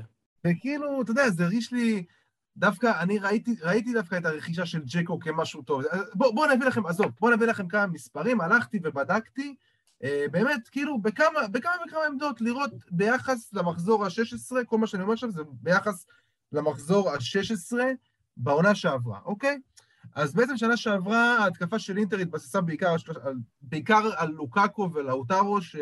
אתה יודע, אה, אלכסיס סנצ'ס הוא לא באמת היה פקטור, פה ושם, אתה יודע, נכנס וזה, נתן פה גול, פה גול, פה בישול. אה, אז עד מחזור 16 בעונה שעברה, אה, השלישייה הזאת, לוקאקו, לאוטרו וסנצ'ס, 23 שערים ביחד, כבשו. והשלישייה השנה של חואקין קוריאה וג'קו ולאוטרו, 20 שערים בינתיים. אוקיי, אז אנחנו במינוס של שלושה שערים סך הכל. אבל איפה, איפה בא האבל הגדול, ואיפה בעיניי אינטר הכי השתדרגה, זה שהעונה, יש לה מספר 10 אמיתי שנותן לה גם את המספרים, שזה הקאן. מה שלא היה לה בעונה שעברה עם אריקסן, שאריקסן הגיע ולא סיפק את הסחורה. אריקסן שנה שעברה עד המחזור ה-16 היה עם 0 שערים, 0 בישולים. הקאן כבר עם חמישה שערים ושלושה בישולים. אז אתה יודע, אז הלכו לך קצת גולים של לוקאקו, אבל בסופו של דבר בא ג'קו, שאני חושב שהרבה מעבר למה שציפו ממנו, ואתה רואה כבר 11 שערים בכל המסגרות, ואתה רואה כמה הוא דומיננטי וכמה אחוז ניצול המצבים שלו הוא מעולה, אה, וכמה הוא משתף, הוא משתף פעולה גם עם קוריאה וגם עם לאוטרו, וההתקפה של אינטר הפכה להיות מהתקפה בו, של שחקן אחד בעיקר, של לוקאקו, שהכל התבסס עליו, כל תמיד המשחק התבססה עליו, גם במסירות ימין על האגפים, השיתוף פעולה שלו תמיד עם חכימי, אז גם חכימי הלך. אבל יש לך קבוצה שהיא פחות מתבססת על שחקן אחד, שהיא נראית יותר, יותר קבוצתית, שאם ג'קו משחק עם קוריאה, או אם ג'קו משחק עם לאוטרו, או לאוטרו וקוריאה, אתה לא באמת מרגיש הבדל. וכאן בעיניי בא, בא באמת השינוי הגדול ש, של אינטר, אולי אפילו התחזקה, אולי אנחנו נראה, אפילו רואים אותה אולי לפני השיא שלה. אז זהו, אז קודם כל, אה, באמת רק במילה על אריקסן, זה לא הוגן כל כך להשוות, כי קונטה גמר את אריקסן, לא, לא נתן לו באמת לשחק, וגם כשנתן לו זה היה לא בדיוק איך שהוא רוצה. הוא שיחק בלי, הוא שיחק בלי, בלי מספר 10, הוא שיחק נכון, נכון, זה השאלה. אולי עם ברלה, אבל ברלה זה לא שחקן של מספרים, אתה מבין? בוא נגיד, ההשוואה היא לא, אני, אני, כאילו, היא קצת מעליבה את אריקסן, כי הוא באמת שחקן נהדר, הוא פשוט לא שיחק באינטר את מה שהיה צריך לא, לשחק. נכון, אבל שוב, אני, אני מכה על חטא, כמו שאמרתי, אני חשבתי שאינטר תיפול הרבה יותר חזק העונה, בינתיים היא באמת מצוינת. היא לא, שוב, היא לא דורסת את הליגה, אבל זה בסדר. אני, אני חשבתי, אני גם הייתי מאלה שחשבו שג'קו, אין לו מה למכור יותר ברמות האלה, והוא מוכיח אחרת לגמרי, שמונה שערים בליגה, 11 בכלל. אה, ו- ואני חושב שמעבר לכך, ג'קו, משהו הסתדר, כאילו איזה, איזה בורג קצת זז במקרה כרגע לכיוון הנכון. ראינו כמה הוא גרוע כשלא בא לו ברומא. ו- ועכשיו הוא מוכיח באמת שהוא מביא את התכונות החיוביות שלו, בוא נגיד, שזה חוש התמצאות מדהים ברחבה. מה, יש לו גם סיומת. בדיוק, הנה. הסיומת, משחק ראש, אה, שזה משהו שאינטר אה, כמובן אה, צריכה בשיטת המשחק הזו עם הקיצוניים המאוד מאוד דומיננטיים. כי הכי הרבה שערים בנגיחות, גם אינטר בדיוק. אני חשבתי שהקאן זה רכש לא טוב, אני חשבתי שהקאן לא, לא יעזור לאינטר ברמה שהוא עוזר לה עכשיו. הוא, הוא שוב, הוא לגמרי משתיק אותי, אה, ואני חושב שהמעבר הזה היה סוג של ניעור בשבילו, זאת אומרת, אה, בוא נגיד את זה ככה, הגישה חתיכת שלו... חתיכת מעבר. כן, הגישה שלו, ש... היא הדבר שאוהדי מילן הכי שנאו. הגישה הזאת, היא הפרצופים שלו אחרי שלא מוסרים לו, והעיבודי כדור, ו- ו- והלא תמיד רץ אה, אחרי שחקן אחרי שאתה מאבד. זה, ואנחנו רואים באינטר שגם, הוא קצת עשה איזה סוויץ', ו- והוא לא, משחק... גם הוא בא לקבוצה אלופה, שיש סביבו כוכבים, שהוא, אתה יודע, הוא לא יכול להרים את האף עכשיו. לגמרי, לגמרי, ואתה יודע, לא תמיד כולם יודעים לעשות את המעבר הזה. עכשיו, מה, חשוב מה, להזכיר... מה אתם חושבים, אה, כן, סליחה שאני זה, לגבי הכאן והמעבר, אה, אתה יודע, עוד ציטוט של זלאטן שמתפרסם ביממה האחרונה, שאומר שלפני ה, ה, מה שקרה עם אריקסן ביורו, אז לאקאן בכלל לא היו אה, הצעות, והוא הרוויח מהטרגדיה. אז אתה יודע, זה קצת מעליב, אני במקום אקאן הייתי, אתה יודע, עכשיו אה, מקבל עוד קצת אה, מוטיבציה. צריך לזכור שהסוגיה של אקאן הייתה של כמה זמן במילאן, שזה זמן, של תקופה אפשר להגיד, זאת אומרת, אקאן בסוף, צריך לזכור, הוא הגיע לאינטר בחינם. הוא, הוא סיים חוזה במילאן, זה לא שאינטר קנתה פה שחקן של מילאן, הוא, הוא סיים חוזה, זה שחקן שדיברו עליו באמצע העונה. וזה עוד מהלך ענק של בפה מרוטה. לגמרי. קודם כל, בפה מרוטה זה, זה באמת אה, אולי הרכש הכי טוב של אה, אינטר בשנים האחרונות. ויובה עד עכשיו מבכה את, אה, את העזיבה שלו, כמובן המנהל המקצועי, המנהל הספורטיבי של אה, אינטר היום, אבל עדיין צריך לזכור, אינטר הגיע לקיץ הזה עם בעיות כלכליות חמורות מאוד, כשלבעלים שלה בעצם אסור לשים כסף בקבוצה, ונהפוך הוא חייב להחזיר כל מיני הלוואות והשקעות. מה לעשות שהכלכלה הסינית uh, יורדת, אז גם כל, uh, כל אנשי העסקים הם מחויבים לזה, והיא עשתה קיץ, שאתה אומר, לא יכול... היא יצאה מורווחת, היא יצאה מורווחת מהקיץ הזה. לא יכול להיות קיץ כזה שבו, שבו אתה, אתה בסוף יוצא כש, כשאתה מחייך. זאת אומרת, הם מכרו את, uh, את חכימי ב-60. הם מכרו את חכימי ב-60 מיליון לפריס סן ג'רמן. הם מכרו את uh, לוקאקו לצ'לסי במה, 110, 115? 113, משהו כזה. משהו כזה. עכשיו, ובסוף הם מביאים בחינם את הקאן, בחינם את ג'קו שסיים חוזה ברומא ולא יכולים לראות אותו כבר ברומא. קוריאה זה שחקן שמגיע בהשאלה מילאצי, אמנם עם אופציית רכישה, אבל הוא מושאל כרגע. היחיד שהם באמת שמו עליו כסף זה דום פריז, וגם הם שילמו 12.5 מיליון, שזה... זה כלום. זה כסף קטן לעומת כמה שהם הרוויחו, זאת אומרת, איך אפשר לעשות קיץ כזה ועדיין לצאת כשאתם המועמדים הבכירים לאליפות, ואני חושב שוב, אם נגיע לשורה התחתונה, היום, לדעתי, אינטר היא הפייבוריטית לזכייה עדיין לתואר. זאת אומרת, מילאן ונפולי ייתנו לה fight, אטלנטה תצטרף שם, אבל היום היא המועמדת הבכירה, בעיקר בגלל הניסיון שלה, בעיקר בגלל שהיא כבר האלופה, ו- וגם כי, כי עוד פעם, אתה רואה את השחקנים, הם משחקים את המשחק שלהם. יש להם מאמן, גם, מאמן מאוד רגוע בקטע של השיטה שלו, הוא לא משנה שיטות כי דברים לא עובדים. רגוע, רגוע זה, זה הדבר האחרון שאפשר לא, להגיד עליו לא, על הקווים. לא רגוע על הקווים, אבל שים לב שהוא לא ישנה עכשיו שיטה בגלל שזה לא ילך, הוא דבק, אתה יודע מה, רגוע זה לא המילה, הוא דבק בדרך שלו, זה, זו כן. הכוונה שלי. אה, קודם כל הם בריצה מטורפת, תשעה ניצחונות ב-11 המשחקים האחרונים, שני תיקו, וכמו שאמרתי מקודם, אני חושב שיש לה את הניסיון, אם אתם מסתכלים על הסגל, אז זה ג'קו בגיל 35, אנדנוביץ' 37, שהוא גם נותן את הזה, ויש לה גם... אולי, אולי כבר די, הוא קצת אחרי השיא, אנדנוביץ'. כן, כן, אבל עדיין, אתה יודע, ויש להם הגנה באמת טובה. ואחד השחקנים שאני מאוד אוהב, כי אלסנדרו בסטוני, קצת שמאל, עם רגל שמאל, הוא יוצא עם הכדור נהדר, מה שאנחנו מאוד אוהבים את בלמים היום. מה שהוא, כן. מה שהוא עשה נגד רומא, גם הבישול לשער של דומפריס, אתה רואה מה זה כאילו מגן, מה זה כוח של מגן שמצטרף מאחורה ועם רגל שמאל, זה לא ממש שהוא עושה את זה, הוא גם בישל זה, נגדנו, שנה שעברה, ב-2-0 שהם ניצחו. משחק רגל פנטסטי, ויש לה, כן. לה איזון בהרכב. אנחנו באמת מחפשים, אז יש לה איזון, וגם פרישיץ מצד שמאל, וברלה פנטסטי. וואו, פרישיץ מדהים. וברוזוביץ', ו... אתה זוכר שלא רצו אותו, את פרישיץ. כן. אני, אני, את האמת, אני, אתה יודע, הוא... לא הייתה... היה כבר רגל וחצי בחוץ. כן, לא הייתה טייפקאסט הקלאסי לווינבק שמאל, אבל הוא גם פנטסטי, וניקולו ברלה, שהוא איזה דינמו כזה מטורף, שאני מת עליו, גם חמישה בשינויים בליגה. כמו שאני חייב להסכים איתכם שהיא הכי בשלה מבין כולם, הכי בשלה והכי שלמה מבין כולם, מבחינת העומק בסגל והניסיון, וגם הכישרון, אני חושב ש... אגב, ואם אמרת בסטוני, אז איפה הוא גדל? אטלנטה. יש, יאללה. והיינו כן. חייבים לחזור, הם הרוויחו עליו 31 מיליון אירו, קנו אותו בגיל יחסית צעיר, השאילו אותו קצת לפארמה, שם הוא באמת בלט. ובאמת, אני מסכים איתכם, הוא בן 22 בסך הכל, זה בלם העתיד של נבחרת איטליה, אפילו בלם ההווה. גבוה, רגל שמאל, טכניקה. מתישהו קייליני חייב לצאת מהרכב, אבל בואו כן.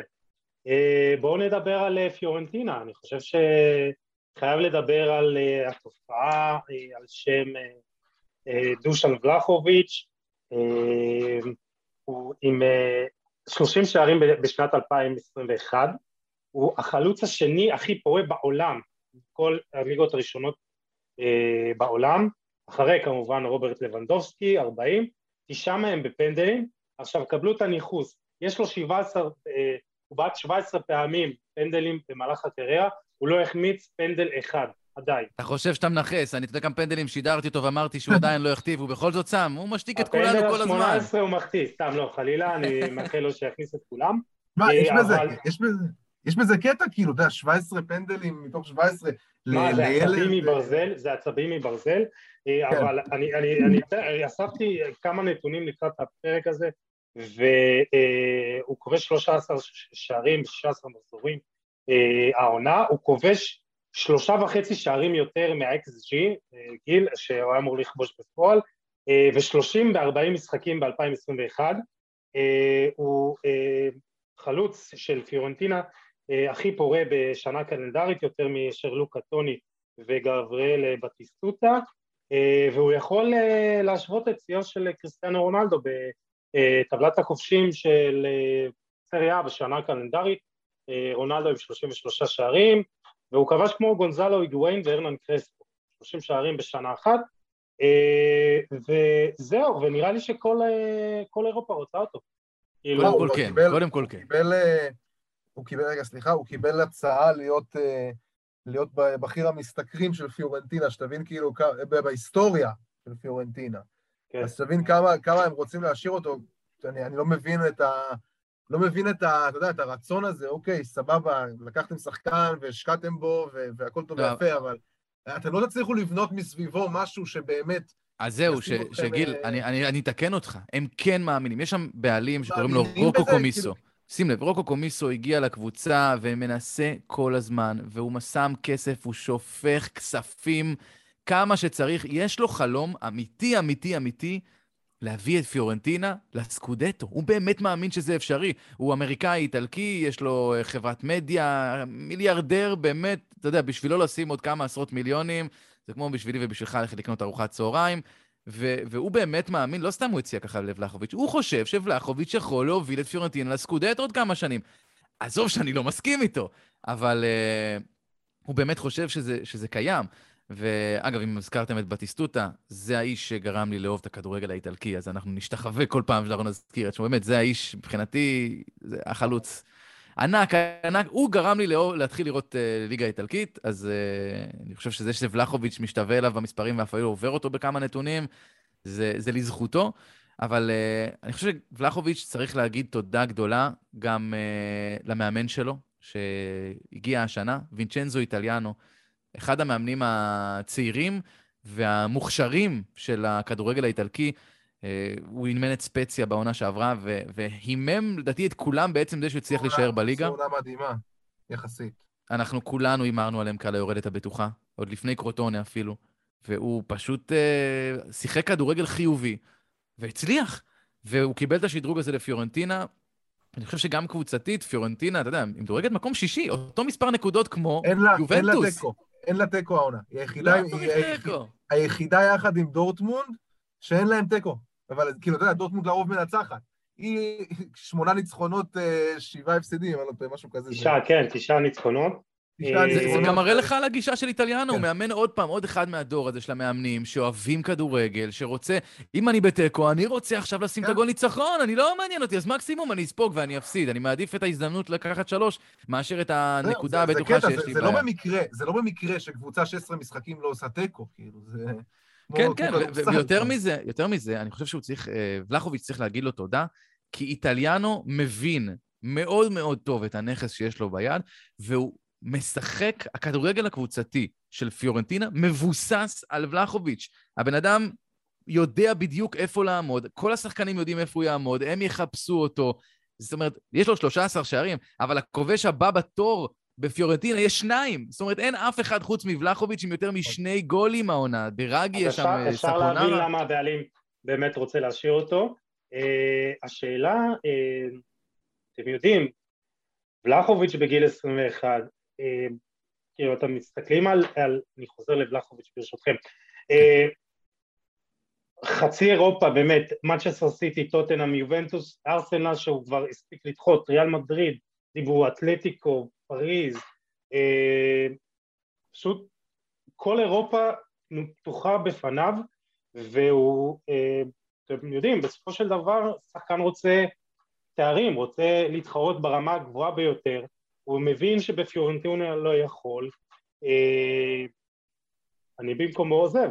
הוא לא רוצה להגיע אליכם בגלל שהוא רוצה לבוא ליובנטוס. גם אם לוקטלי זה היה, אתה אוהד ארסנל. כן, כן, זהו, צריך להגיד ליוסי שאני בעוונותיי אוהד ארסנל. למה כולם מסרבים לכם? כאילו, מה... כי הם מבינים בכדורגל. נו בוא, מה, כן, באמת, ארסנל לא, לא, היא קבוצה שלא תיקח תארים בשנים הקרובות, זאת אומרת, אתה מעדיף לבוא לקבוצה שיש לה סיכוי לקחת תארים, זה שהוא הלך לוקטלי ליובה וטעה, זה כבר משהו אחר. אבל... הנה עוד אה, אחד, עוד אחד רוצה לטעות, גם כל הדיווחים אומרים שוולחוביץ' הוא ממש מת לבוא ליובנטוס, כאילו. אבל שוב, אבל יובנטוס זה משהו אחר, אנחנו ניגע בה, אני מניח, אה, ממש עוד מעט. יובנטוס יש לה עדיין, עוד לא ירדה, עדיין ההילה הזאת שמסביבה, הילה שהייתה גם לארסנל, אגב, עד לפני אה, כמה שנים, וכבר אין אותה בכלל, בכלל. אם לא יהיה שינוי, אנחנו בדרך לשם. אני, לא יודע, שוב, זה, זה כבר עניין אחר, אבל אם ולחוביץ' לדעתי, אה, ולחוביץ' יסיים כמובן את העונה בפיורנטינה, והוא לא יעזוב בינואר, כי הוא מבין מה טוב. יש לו גם, אגב, חוזה לעוד עונה בפיורנטינה, זאת אומרת, הם יכולים למכור אותו בקיץ בשקט. כמה עשרות מיליונים טובים הוא, הוא יעשה. זהו, שהיא דורשת 70 אה, מיליון, והם כבר קיבלו אגב, הוא כמעט עזב כבר בקיץ. כן. הוא, הוא, הם רצו אליו את ה-50-60 מיליון כבר בקיץ האחרון, ובסוף איכשהו זה לא הסתדר, אבל הוא כמעט עזב כבר בקיץ האחרון. אם אתם אה, ולחוביץ' ולא אוהדי ארסנל, אוהדים ניטרלים, לא אוהדי ארסנל ולא יובה, אה, לאן אתם ממליצים לו להגיע? אני חושב שסיטי. הנה, אתה רואה, אמרנו ביחד. כן, קלאסי, מה? בטח שסיטי. פפי יעשה ממנו מטעמים. מה, זה שחקן, זה שחקן שהוא, מה שטוב בו שהוא עולה גם... זהו, אז הוא, אתה יודע, אנחנו כל הזמן מדברים על אה, שחקנים הרבה יותר שלמים, הרבה יותר כזה, אתה יודע, אה, פחות עמדות טבעיות, אבל הוא כאילו, הוא נראה החלוץ התשע קלאסי, גבוה, חזק, נכון, אבל הוא גם... רגל שמאל טובה.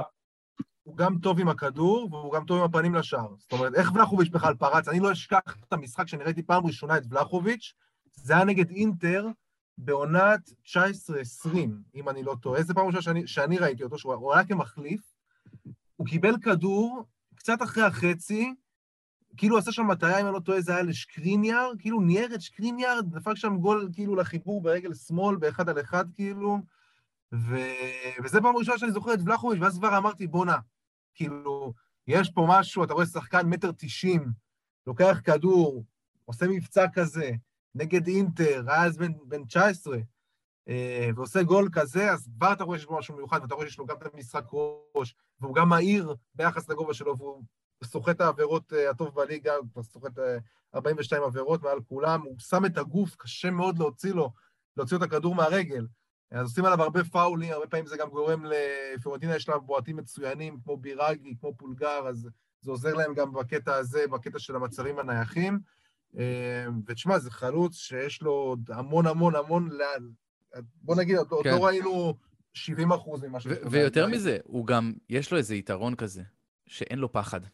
מכלום. זהו, בדיוק. הבן אדם בדיוק, גדל אני... בפרטיזן בלגרד, הוא עבר דרבי של בלגרד בגיל 16, זאת אומרת, כן, הבן אדם מחושב. כן, בכורה בקבוצה בגיל 16 ו-24 ימים. כן, כן, הוא היה השחקן הצעיר ביותר בהיסטוריה של פרטיזן, ואחרי זה הוא גם היה השחקן הצעיר ביותר שפותח בפיורנטינה. זה, כן. זה אז, כבר... אז, אז בדיוק, אני, אה, נגעת בנקודה שאני רוצה לגעת, גם לגביו וגם לגבי חלוץ אחר, אה, שכבר בגיל 16 הוא באמת נחשב לזלטן איבראימוביץ' הבא, והוא אמר לוולרי בוז'ינוב, אתם בטח זוכרים אותו, אה, אני זלטן איבראימוביץ' מבלגרד ואשחק במועדונים החזקים ביותר, ואתה יודע, זה, זה, זה מין חוצפה כזאת, ושאתה אומר שזה בטח גם מתבטא במשחק שלו, ולפני שאני אעבור ליובה, אני רוצה לדבר על, על, על, על האופוזיט שלו, דווקא מבחינת האופי והמרפקים. ויכול להיות שבגלל האופי שלו, אה, הוא הגיע ל... אנחנו דיברנו מקודם על late אה, bloomer ים וג'ובאני סימאונה.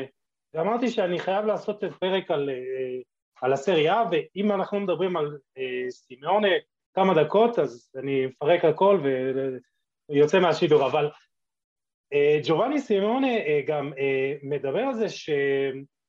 פעם אה, התקשר אליו אה, דייגו, אבא, אבא שלו, והעביר לו את אה, ארנן קרספו בטלפון, וקרספו אומר לו, אתה כל כך חזק, אבל אתה צריך להיות רע יותר, הוא אומר נסטייר כזה. וג'ובאני כאילו העיד על עצמו שהוא לא כזה, שהוא לא, הוא לא יכול להיות רע מדי, הוא לא יכול, אתה יודע, ויכול להיות שהאופי הזה דווקא מנע ממנו להיות, לפרוץ בגיל, אתה יודע, מוקדם יותר. והוא עכשיו בגיל 26 והוא פשוט מדהים, הוא השחקן, אה, רק אה, רוברט לבנדובסקי, פטרי שיק ומוחמד סלאח כבשו יותר שערים ממנו ללא פנדלים, כבש 11, ויכול להיות שהאופי הזה דווקא מנע ממנו, אה, גיא, אתה משדר בטח גם הרבה את המשחקים של, אה, גם בעונה שעברה של גנואה, יכול להיות שהאופי... כן. עונה שעברה בקליירי, כן. קליירי, סליחה. ו, יכול להיות שהאופי הזה מנע ממנו, האופי הנוח הזה, זה שהוא לא, יודע, דוחף מרפקים כזה ומנע ממנו להצליח בגיל מוקדם יותר? אני לא יודע אם זה דווקא המרפקים, ואני חושב, אגב, אה, אתה יודע, אני לא לגמרי מסכים עם הקביעה שהוא לא פרץ בגיל מוקדם, כי הוא פרץ בגיל מוקדם, לא, זאת אומרת, אנחנו זוכרים אותו... הוא נתן 14 גולים אה, שנתיים רצוף בקליירי. כאילו, אה, כן היה לו מספרים. לא, אז זהו, הוא בגנואה, זו הייתה התחנה הראשונה. אגב, זה נורא מצחיק שאמרת קרספו, כי בדיוק השבוע, הקראתי את זה גם בשידור, את הנתון הזה, ברגע שהוא הפך לעשה דו-ספרתי בוורונה ומעל עשרה שערים, הוא השחקן הזר השני בהיסטוריה של הסריה, שעושה מעל עשרה שערים ומעלה, בארבע קבוצות שונות. זה הוא וארנן קרספו, זה הכל. וזה אה, מראה שהוא כן פה כבר תקופה, הוא כן פרץ גם בגיל מוקדם בגנואה, ופשוט לא הצליח לממש את הפוטנציאל הזה. גנואה 12 שערים, אחרי זה פיורנטינה 14 שערים, אחרי זה הייתה לו עונה פחות חושב... גבוהה פיורנטינה, אחרי זה עוד אחת עם 12 שערים, ושנה שעברה גם הייתה נפילה יחסית בקליירי, שבגלל זה השילה אותו. נפילה ל... לגמרי. אגב, כן. גם בפיורנטינה הייתה שם נפילה, גם בקליירי נפילה. אז מה קרה השנה? מה קרה? אני חושב ש... אה, שוב, מבחינה מקצועית, הוא נכנס לאיזושהי מערבולת. של אה, לעבור בין קבוצות ולא בדיוק למצוא את המקום שלו. והשנה, גם את השנה הזאת, הוא לא פתח טוב. מי שהיה שם המאמן זה אוזביו די פרנצ'סקו, שהוא באמת, זה, זה נהיה סוג של... אה, אתה מביא אותו אליך למועדון, אתה מביא איזה קללה וצריך לפטר אותו מהר כדי שזה יעבור. אה, זה, זה עצוב נורא, כי הוא הצליח באמת ברומא, יפה מאוד, אבל בשנים האחרונות, נו, איום ונורא. כל קבוצה שהוא הולך, הוא מצליח לפרק. ניסו אביטן של הכדורגל האיטלקי. לא, לא, לא, זה, זה באמת, כל שם שתגיד זה יעליב, חבל. ו, והשנה, מהרגע שאיגור טודור הגיע לקבוצה, זה, זו קבוצה אחרת לגמרי, וזו קבוצה שכמו שאמרנו, שוולחוביץ', אז uh, משחקים בשבילו, גם בשביל סימאונה יש הרגשה שוורונה משחקת בשבילו, ושיודעת את ה... לנצל את היתרונות שלו. כי סימאונה, הוא, בניגוד לבלחוביץ', הוא לא חלוץ רחבה קלאסי. הוא חלוץ שאוהב לצאת החוצה, שאוהב לבעוט מרחוק גם, שאוהב למסור, שאוהב את המתפרצות, הוא מאוד מאוד מהיר, ו... ויש תחושה שזה עכשיו ממש כפפה ליד. זאת אומרת, הוא מתאים לסגנון המשחק הזה של טודור, פשוט בול. וזה כיף לראות אותו, הגול הזה, המדהים, גול הניצחון מול ונציה. אני יכול להגיד לך שקמתי באולפן, צרחתי, ועוד שנייה רצתי גם החוצה למסדרון, כי זה גול שאתה לא רואה בכל יום, וזה משחקן שאתה רוצה שהוא יצליח. בא לך שהשחקן הזה יצליח, כי אתה, אנחנו זוכרים את, ה, את הרגעים שהוא פחות הצליח, וזה היה קצת כואב. וכן, זה גם בגלל אבא שלו, ש, שהוא נהיה מפורסם בזכותו, והשם שלו שם, ויש שחקנים שאחרי עונות כמו שהוא נתן בפיורנטינה ובקליירי, לא היו מוצאים קבוצה כמו ורונה כל כך מהר. אבל הוא מצא, והוא מושאל אגב מקליירי. יש מצב שיחזור אליו. כן, אז זהו, אז, אז לגבי זה, אה, דווח באמת ש... אה, הולכת אה, להפעיל את סעיף הרכישה על סך אה, עשרה מיליון אירו, וזה סכומים פשוט כאילו מטורפים. כן, נדמה לי זה חמישה מיליון אה, פלוס עשר, משהו כזה, כן. אז... חמישה מיליון השאלה פלוס עשר רכישה, משהו כזה. תשמעו, אני, אני באמת קצת קראתי עליו, והוא מרגש, כי הוא שחקן שעושה גם אה, מדיטציה, מיינדפולנס, הוא, הוא שחקן שמאוד מאוד כזה חשוב לו ה, אה, הצד המנטלי, והוא מאוד מקצוען, וגיל, אתה אתה אולי אה, תתחבר למה שאני הולך להגיד, והוא אה, אה, הוא, הוא יצא לירח דבש במלדיבים בקיץ עם, עם ארוסתו, עם אשתו כאילו חדשה, והוא עבד שם כל יום בירח הדבש, ויכול להיות שבגלל זה, אתה יודע, גם הוא בא מוכן יותר וזה, ואתה רואה את לא ה... לא יודע על מה הוא עבד, לא יודע על מה הוא עבד בירח דבש, אבל... לא, הוא עבד, הוא אמר, הוא עבד כל יום, וגם אשתו בחדר כושר וזה, אז שחקן זה. אז אה, לא יודע, אולי... רגע, פרט מעניין, ועוד פרט מעניין, הוא עשה את הקעקוע הראשון שלו בגיל 13, אה, מאוד אמיץ, אה, זה היה לוגו של ליגת האלופות ועל היד, והוא חולם עדיין לנשק אותו. לכו תדעו אם זה יקרה. אה, אז, אז לא, אז, אז קבל ביטול, כי אני אמרתי אולי שיבוא ליובנטוס, אבל אנחנו כנראה לא, אולי לא, לא, לא, לא נהיה בליגת האלופות בשנים הקרובות, אבל אמרתי, שמע, אנחנו צריכים חלוץ, בוא נדבר, כן, אז בוא נדבר בקטנה כמה דקות על כן. יובה. יאללה. תראה מה זה, יאללה, אוהד יובה אחד ממנחי הפודקאסט, ומגיעים ליובה אחרי שעה ועשרים. בסדר, דיברנו קודם על הקבוצות הגדולות, ועכשיו מדברים על יובה. בושה וחרפה, איזה שגריר אני. די, כמה אפשר לדבר על העונה הרעה והכדורגל, האנטי-כדורגל כן, של כאילו לגרי. כאילו, באמת, זה כבר עצוב, אתה יודע, אז אפשר לדבר קצת על זה שדיבלה מתחיל להיכנס, אבל שוב, שיחקנו נגד שתי הקבוצות באמת, אתה יודע, גנואה וסלרניטנה זה... גנואה בכלל, מאז ששפצ'נקו הגיע לא כבשו שער. כאילו, צריך לדבר על זה, הם לא כבשו. כן, נקודה לא אחת. הם לא בעטו למסגרת נגד יובנטוס. שתבין. אני חושב, אגב, אה, אה, בנושא הזה, אני, שוב, מכיוון ששידרתי את המשחק הראשון של אה, שבצ'נקו מול רומא, הוא, הוא הגיע באיזושהי גישה, אני, אני לא בטוח שאני כל כך אוהב את הגישה הזאת, כי בדיוק ההפך ממה שדיברנו עליו קודם. הוא אמר, קודם כל, אני רוצה לייצב את ההגנה. לא מעניין אותי לשים גולים, אני רוצה שההגנה תהיה יציבה, וככה אני אשאר בליגה. עכשיו, אני יכול להגיד לך... הקבוצה הזאת כאילו לא קרובה לשים גול. עכשיו, אני יכול להגיד לך שגנואה בעצם ממש לפני uh, כמה שבועות או חודשים ספורים, נרכשה גם היא על ידי קבוצת משקיעים אמריקאית, שהולכת לשים שם בינואר המון המון כסף. שבצ'נקו לא סתם הגיע לקבוצה הזאת, הוא הבין שהוא יקבל בינואר איזה רכש שהוא רוצה, באמת כאילו בהמון המון כסף. לתחושתי, הם עוד ישתפרו, הם עוד יישארו בליגה, ו- ואנחנו עוד... אה, מועדון, מועדון חשוב, מועדון חשוב לליגה, כמאמר הקלישאה.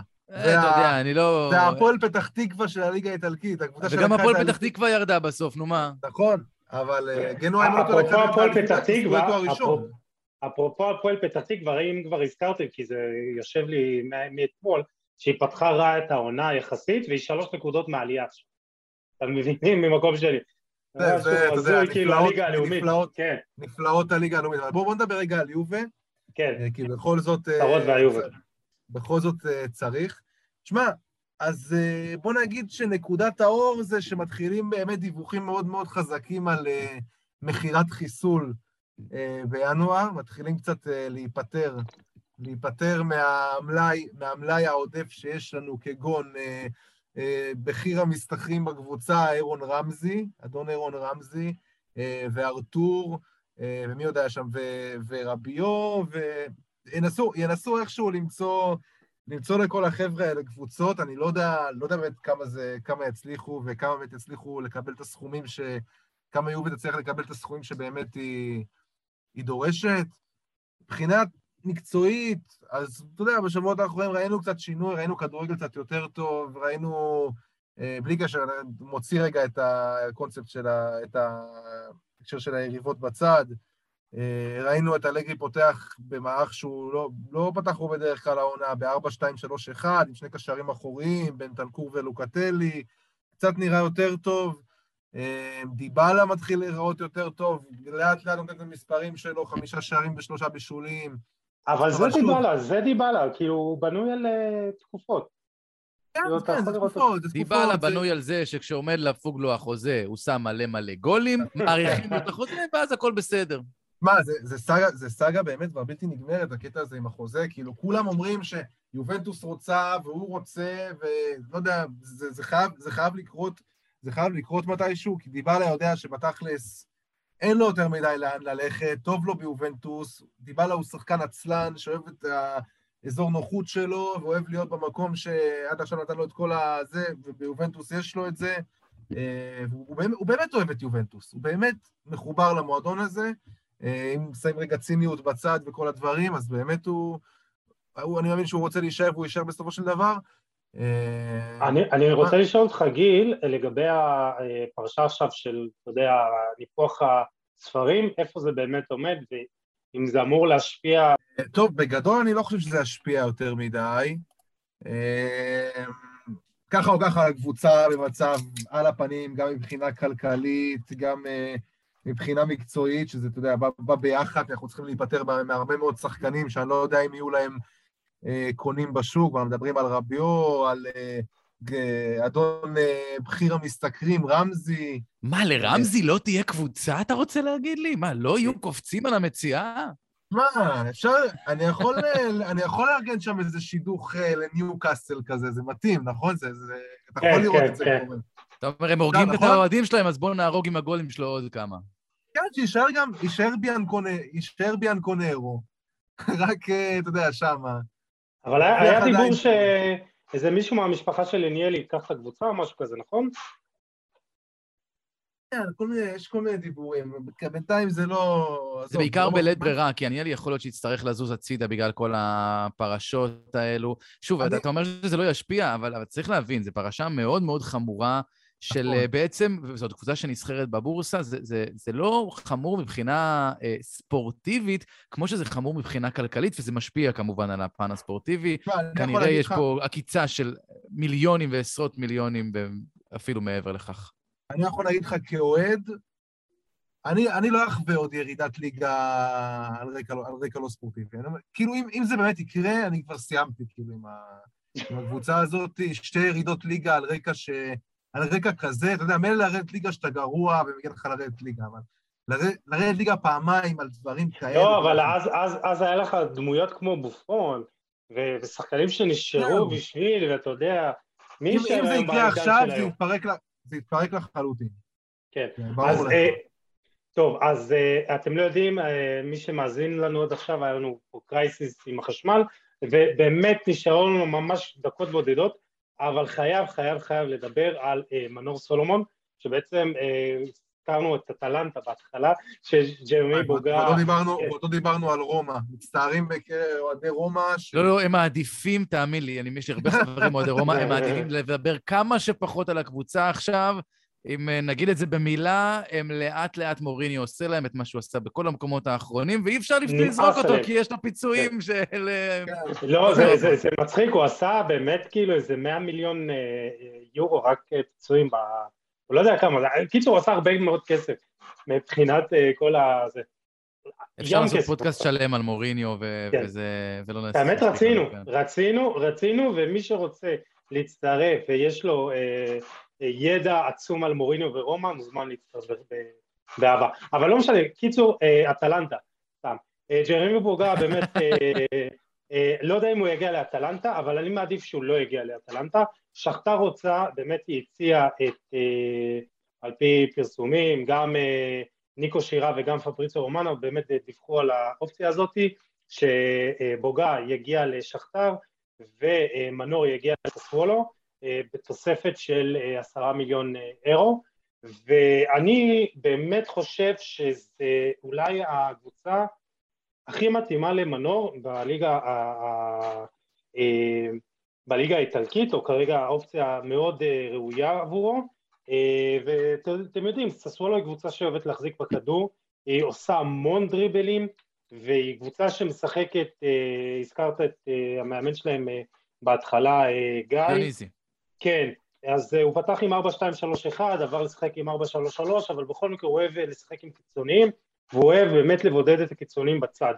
וג'רמי בוגה אה, בדרך כלל משחק על, משחק על צד שמאל, וססוולה היא קבוצה שמתאימה למנור, גם מבחינת המערך, גם מבחינת סגנון המשחק, אה, גם מבחינת אה, החזקת הכדור, היא אוהבת להחזיק בכדור, היא אוהבת לבנות את המשחק גם מאחור, וגם להשאיר את השטחים קדימה, וזה בדיוק שיטת המשחק שמתאימה למנור, ואני חושב שזה גם צעד אולי הכי טוב שיכול לעשות לקריירה, כי הוא הגיע לאיזושהי נקודת מיצוי בשכתר, ופה הוא צריך את, ה, את שינוי האווירה, את, ה, את האתגר החדש הזה, אה, וססוולו באמת נראה לי הקרקע המתאימה בשבילו, וכשאתם עושים, אה, בודקים כאילו אם שחקן יכול להתאים לליגה או לקבוצה, עושים באמת, כמו שאמרתי, אם הקבוצה משחקת את אותו מערך, והיא כן, אם היא קבוצה שמשחקת את אותו סגנון המשחק, והיא כן, וגם מבחינת ה, ה, ה, ה, המאמן, באמת, אני חושב שזו קבוצה וטיימינג מושלם עבור מנור לעשות עכשיו את קפיצת המדרגה לחמש הליגות הבכירות באירופה, ואני מאוד מקווה שזה יקרה. אה, קבוצה שגם תפורה למידיותיו, לא קבוצה עם... אה, אה, לא קבוצה תחתית, ראינו את המעבר של שון וייסמן לוויאדוליד בעונה שעברה, קבוצה שלא התאימה ליכולות שלו ולסגנון המשחק שלו, ואני מאוד מקווה שזה יקרה. מדי. אני חושב, כן. אני חושב ש... רגע, שנייה, אני חייב להגיד משהו על מנור סולומון. לפני שאני נותן לגיידה רגע להגיד את הזווית שלו. תשמע, אנחנו מאוד פרובינציאליים, וזה אחלה, וזה טוב, וזה מגניב, וגם אני כזה, אבל אנחנו צריכים רגע לשים בקונטקסט הנכון את כל מה שמנור סולומון עושה. ואני אסביר מה אני מתכוון. מנור סולומון עשה את הפריצה שלו, אתה יודע, שנה שעברה עם הגולים נגד ריאל מדריד, ובאירופה, כבר, אתה יודע, כל מי שאתה יודע, עוקב ורואה, יודע מי זה מנור סולומון, ויודע את היכולות שלו ומכיר. אנחנו צריכים אבל לקחת בפרופורציה, הוא עדיין לא מספיק מעורב במשחק לעיתים תכופות, הוא עדיין צריך לשפר את המספרים שלו. יש עוד שחקנים... יש עוד שחקנים מצוינים יחד איתו בשכתר, הוא לא הכוכב של הקבוצה, זה נכון שמבחינה פוטנציאלית, אתה יודע, הוא הכי צעיר, ואולי לא, יש גם יותר צעירים ממנו, יש את המודריק הזה שם ששחק איתו, אבל נכון. הוא, הוא כן, הוא, הוא עדיין לא, אה, הוא, עדיין, הוא עדיין בגדר פוטנציאל. וזה למה אני אומר, אתה יודע, הרבה שמעתי, צייצתי את זה גם בטוויטר וכתבתי שמבחינתי גם אני מסכים איתך במאה אחוז, וחושב שזה יעד מושלם בשבילו, גם מבחינת סגנון המשחק וגם מבחינת קבוצה ש... נותנת לכוכבים שלה לבוא לידי ביטוי, ומשחקת במערך שהוא אוהב, ב-4-3-3, ובדיוק נכנס למשבצת הזאת של בוגה בצד, אה, בצד שמאל של ההתקפה עם הכניסות לאמצע, זה, זה מתאים לו. והוא משחק ליד שחקנים מצוינים כמו ברארדי ורספדורי, אה, וליד אה, אבל... לא, אז בגלל זה אני אומר, ססוולו, זה מקום שמתאים לו לבוא להביא את היכולת שלו לידי ביטוי. אה, אתה אומר שלא לקפוץ לארסנל למשל, זהו, אנשים אומרים מה זה? כי זה היה, היה. אנשים שפחות עוקבים, אומרים, מה זה ססואל? או מה, שהוא צריך לעבור עכשיו, לא יודע, אתה יודע, אומרים ארסנל, אומרים, לא יודע, כל מיני קבוצות, אתה יודע, מה, מהחלק העליון של הטבלה בפרמייר ליג. חבר'ה, לשחק בססואל, אנחנו ראינו את שכתר נגד אינטר. שכתר נגד אינטר לא הצליחה לעמוד. גם נכון. במשחק שנגמר 0-0 שם, היא לא באמת, היא לא באמת אה, עמדה בקצב של אינטר. עכשיו הוא הולך לשחק עם ססוולו, הוא יעמוד בקצב הזה כמעט כל שבוע, בקצב המשחק הזה. עכשיו, מה אני בא להגיד על מנור סולומון? זה, זה, אומרים, אומרים מה, הנה, גם דור פרץ לא מצליח באיטליה וזה, אבל מנור סולומון, יש לו יכולת אחת שהיא ברמה עולמית. מה שאין לדור פרץ וכרגע לסוף פוטגורנו, שזה הדריבל. זה יש לו ברמה עולמית. זה, הוא יכול לעבור, בדריבל כל שחקן באחד על אחד. כל שחקן בעולם. הוא פשוט צריך לדעת ללמוד, הוא צריך את המאמן הזה שיבוא ויראה לו איפה לעשות את הדריבלים הנכונים, איפה להיות יותר, איך להיות יותר יעיל אה, ליד השאר. וככה אתה תראה, בדיוק כמו שאתה רואה עכשיו עם, ויני, עם ויניסיוס, הרי ידענו שהפוטנציאל שם, הוא פשוט לא ידע איך לעשות את הדברים נכון. אז ברגע שמנור סולומון יקבל את זה, ולהערכתי הוא יקבל את זה בססוולו, זה הולכת להיות קפיצת המדרגה מבחינתו, ואל תשכחו, זה, הוא לא הולך לשם כדי לסיים שם את הקריירה. אם הוא יתקדם משם לרומא, לאטלנטה, אה, לקבוצות, לא, לך תדע, אם ג'וניור מסיאס הגיע למילאן, אז כנראה מנור סולומון גם יכול להגיע למילאן. אז, אז בואו, חבר'ה, אל תזלזלו בקבוצת מרכז טבלה בליגה האיטלקית, אה, וזה יכול להיות אחלה של מקפצה בשביל מנור. אז אני מאוד מסכים עם הניתוח של שניכם, באמת רק במילה. נזכיר שדזרבי, המאמן שלו היום בשכתר, היה המאמן של ססוולו בשנה שעברה. זה נותן לו בונוס, יש לו הרבה, מה שנקרא, גב אוהד ש... שיקשיב וירצה שהוא יבוא לשם. זה יתרון מאוד גדול. אני יכול להגיד שכשדרן, הלוואי ומנור סולומון יגיע לליגה האיטלקית. לא משנה לי לאיזה קבוצה, אבל כמובן שאני מסכים הניתוח שלך, יוסי, שססוולו מאוד מתאימה לו.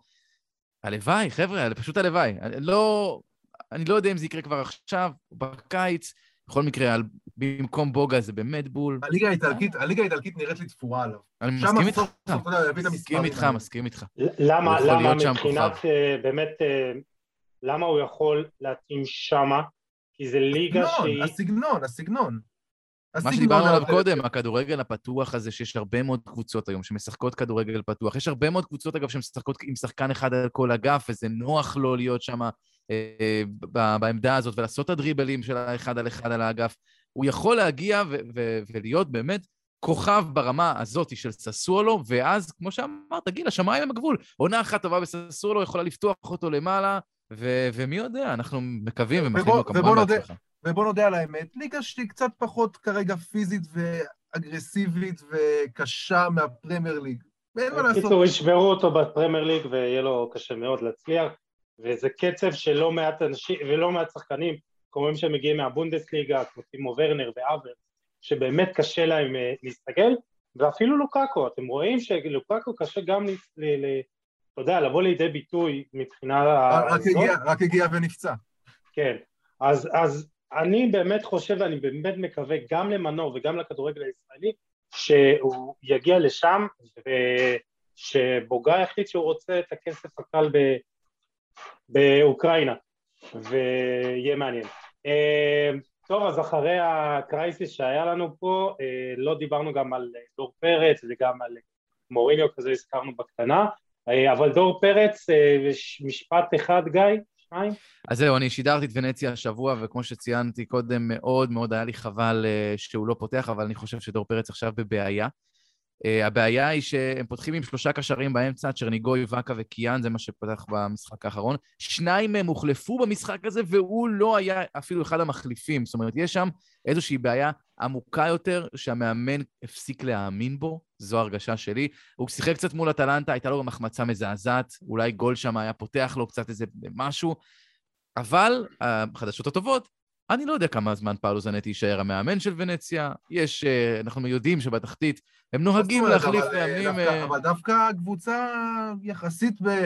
אני ראיתי אותה, תשמע, איך שראיתי אותה במחזורים הראשונים, שעוד דור היה בה יחסית בהרכב, בכמה משחקים הראשונים, היא הייתה נראית לי כמו קבוצה, תשמע, נוראית. הייתה נראית לי כמו יותר גרועה מקרוטונה אפילו של העונה שעברה, ואני מופתע שהם מעל הקו האדום כרגע. כאילו. אני מסכים איתך, אני גם מופתע. יש פשוט קבוצות קצת פחות טובות מהן כרגע, אבל אם יש משהו שאין לוונציה זה כסף לחיזוק בינואר, ואני חושב שהיריבות שלה יתחזקו. צריך לזכור, היא בסך הכל מקום 16, שני מקומות מעל הקו האדום, חמש נקודות yeah. מעל קליירי וגנוע, זה מאוד צפוף, מספיק רצף כזה של כמה משחקים לא טובים, והמשחק האחרון היה ממש ממש אכזבה גדולה אה, בוונציה, אחרי להוביל שלוש אפס. אם הם מנצחים שם, זה כאילו, אתה יודע, זה צעד נכון. מאוד גדול. נכון, נכון, אבל uh, זה לא קרה. ושוב, אני חושב שהדבר שכרגע דור פרץ צריך לעשות זה בעיקר לחכות, כי יגיעו פציעות של שחקנים שמשחקים לפניו, הוא יקבל עוד את ההזדמנויות. השאלה, השאלה... ואני מקווה, שזה, מקווה שהוא ייקח אותן, כי, כי עוד פעם, הוא בבעיה, כרגע הוא בבעיה ברוטציה. זהו, זה אומר, השאלה מה הלאה. זאת אומרת, לדוגמה, עכשיו המצב נשאר פחות או יותר ככה, דור פרץ מסיים את העונה כשחקן ספסל, אתה יודע, שעולה פה לרבע שעה, שם 20 דקות, פה לא משחק, אה, וונציה נשארת בליגה. עכשיו צריך לזכור משהו חשוב, אה, שלא מדברים עליו. לדור פרץ יש, יש סעיף בחוזה, שאם אה, בעצם ונציה יורדת ליגה, הוא הופך להיות שחקן חופשי. ואם לא, אם, אם כאילו זה, אז הוא מקבל גם שדרוג כל שנה נכון. בשכר, אה, מיליון מאה, אחרי זה מיליון שלוש, משהו כזה. אה, אז זה, זה גם משהו שצריך לראות, כאילו, אם, אם היו יורדים, אז היית אומר, אוקיי, אז עכשיו הוא שחקן חופשי. בואו נזכור, ו... זה שחקן שלא שיחק מחוץ לליגת העל עד ספטמבר ואוגוסט נכון. האחרונים. נכון. והוא בסך הכל משהו כמו שלושה חודשים וחצי שם. זאת אומרת, אנחנו מסתכלים עוד פעם בעיניים הפרובינציאליות שלנו, של השחקן הישראלי, זה שהיה כוכב בליגת העל ולא משחק מספיק בסריה, אבל בסוף, הרבה שחקנים שמגיעים מליגות פחות טובות לסריה, לוקח להם זמן להתאקלם. אני חושב שגם סבלנות פה היא שם המשחק, הוא צריך להמשיך לעבוד קשה ולהיות סבלני, והוא יקבל את ההזדמנויות שלו, הוא שחקן עם uh, בעיקר חוכמת משחק. אבל זה גם אומר לך, אז... אבל זה גם, זה גם אומר לך, זה גם משהו אחרון, זה גם אומר לך, מראה לך משהו על הכדורגל שלנו, ש...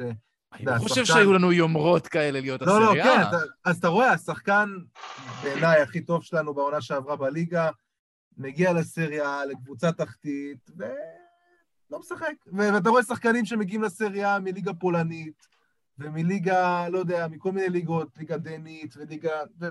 יותר מצליחים להשתלב. אבל זה גם עניין סטטיסטי, מפולין, מפולין יגיעו 30, עשרה יתאקלמו נכון. ו-20 לא, ואתה תזכור את העשרה. בישראל נכון. מגיעים, מגיעים שניים, ואגב, סוף פוטגרנו מתאקלם מאוד מאוד יפה, ויש לי הרגשה שגם הוא, עוד העתיד ממש ממש אה, ורוד לפניו, ושם דווקא בספציה זה מקום אחר לגמרי, והם מאוד אה, מסתכלים קדימה ועל הצעירים. אז... אה, אז, אז א', זה באמת מלמד אותנו על פרופורציות, על שחקן ישראלי, הכדורגל הישראלי, ב', ייאמר לזכותו של דור פרץ שהצד המנטלי שלו מאוד חזק ואני מאוד, אני די בטוח שהוא אה, לוקח את זה, הוא יודע איפה הוא צריך לעבוד יותר חזק, איפה הוא צריך להשתפר, וכמו שאמרת גיא, הוא חכה להזדמנות שלו ואנחנו נראה אותו אה, חוזר להרכב ומשחק, ואתה יודע, אני אופטימי מטבעי אז אני מאוד מאוד מקווה שהוא אה, זה, אני כן מסכים עם גיל שיהיה נורא קשה לוונציה, ראיתי טיפה מהמשחקים ובאמת לא קל, באמת לא קל. אה, וזהו, אני מקווה שיהיה באמת, אתה יודע, עוד ישראלי, ב, עוד ליגיונר בסריה וגם שגם סוף וגם דור ישחקו ויקבלו יותר דקות ואנחנו נסיים ככה גם בכמה דקות איחור ממה שרצינו, אבל ככה זה תמיד אצלנו. גיא... גם שיש לך חשמל, יוסי, כל השאר זה כן, בונוס. כן. מה נעשה? שתי הפסקות חשמל, העיקר שהפרק ניצל, זהו, זה מה שחשוב. שלא דיברנו לריק. אני מאוד נהניתי, תודה רבה שהערכתם אותי. באמת זה היה תענוג, ו- ואנחנו מקווים שכל המאזינים שלכם יראו את הליגה האיטלקית ויענו כמונו, גם אלו שרואים אה, אולי טיפה פחות, תנו לה הזדמנות, אתם תתאהבו. אז אה, אני מאוד מקווה בשבילכם, גם בשביל הערוץ וגם בשבילך גיא, שתזכה לשדר את מנור, אה, זה יעשה טוב לכולנו וגם לערוץ שלכם ספציפית. אה, גיל, אה, מצטער שדחקנו את יובה קצת לסוף, אבל מה לעשות? פחות מעניינים. לאן הידרדרנו ב lineup. טוב, מקום שביעי בטבלה, מקום שביעי ב lineup. כן, אין מה לעשות. טוב, אני מקווה שיהיה טוב, אבל בכל מקרה, אה, אנחנו, אני נהניתי, אתה יודע, אני אה, מאוד מקווה שגם אה, מנור יגיע וגם סוף ודור יקבלו דקות וגם בום לי באופן אישי לראות את הסריה קצת יותר אבל היה נורא מעניין, ליגה מאוד מעניינת, מסקרנת, מאבק אליפות מרובה, הרבה כדורגל טוב, סיפורים מרגשים, מה אנחנו צריכים יותר מזה? לגמרי, עד הפעם הבאה. כן, כן. אז גיא דר, תודה רבה ותהנה ושיהיו לך עוד משחקים כמו ורונה נגד ונציה אה, וגיל, אה, גם לך, אה, תמשיך לדבר על כדורגל איטלקי כמו שאתה עושה באתר, וכל הכבוד. תודה לכם. תודה רבה. ואנחנו ניפרד מהמאזינים שלנו, תודה שהייתם איתנו, אנחנו ערים לבקשות שלכם, וגם הייתה דרישה לדבר יותר על הליגות וגם על כדורגל איטלקי וסריה, אז תמשיכו להציף אותנו גם בבקשות וגם בשאלות, ותמשיכו להיות איתנו, תפיצו את המסר, תתייגו חברים וחברות, תעזרו לנו לגדול, ואנחנו ניפגש בפרק הבא עם עוד תוכן מעניין ואיכותי, ואנחנו מחכים, זה שבוע מאוד מאוד מאוד חשוב עבורנו, עבורי ועבור גיל, שנה לפודקאסט, גיל. יום, יום הנישואין, יום הנישואין שלנו. כן, אני מתרגש. מקווה שאתה מכין לי משהו מיוחד, אבל מקווה שבאמת נמשיך את השנה הקרובה, כן, נמשיך את השנה השנייה כמו, ש, כמו שאנחנו מסיימים את העונה הראשונה בפול פאוור. תודה גיל. תודה לך. תודה גיא, אנחנו ניפגש בפרק הבא עם עוד תוכן מעניין ואיכותי. תשמרו על עצמכם, יאללה,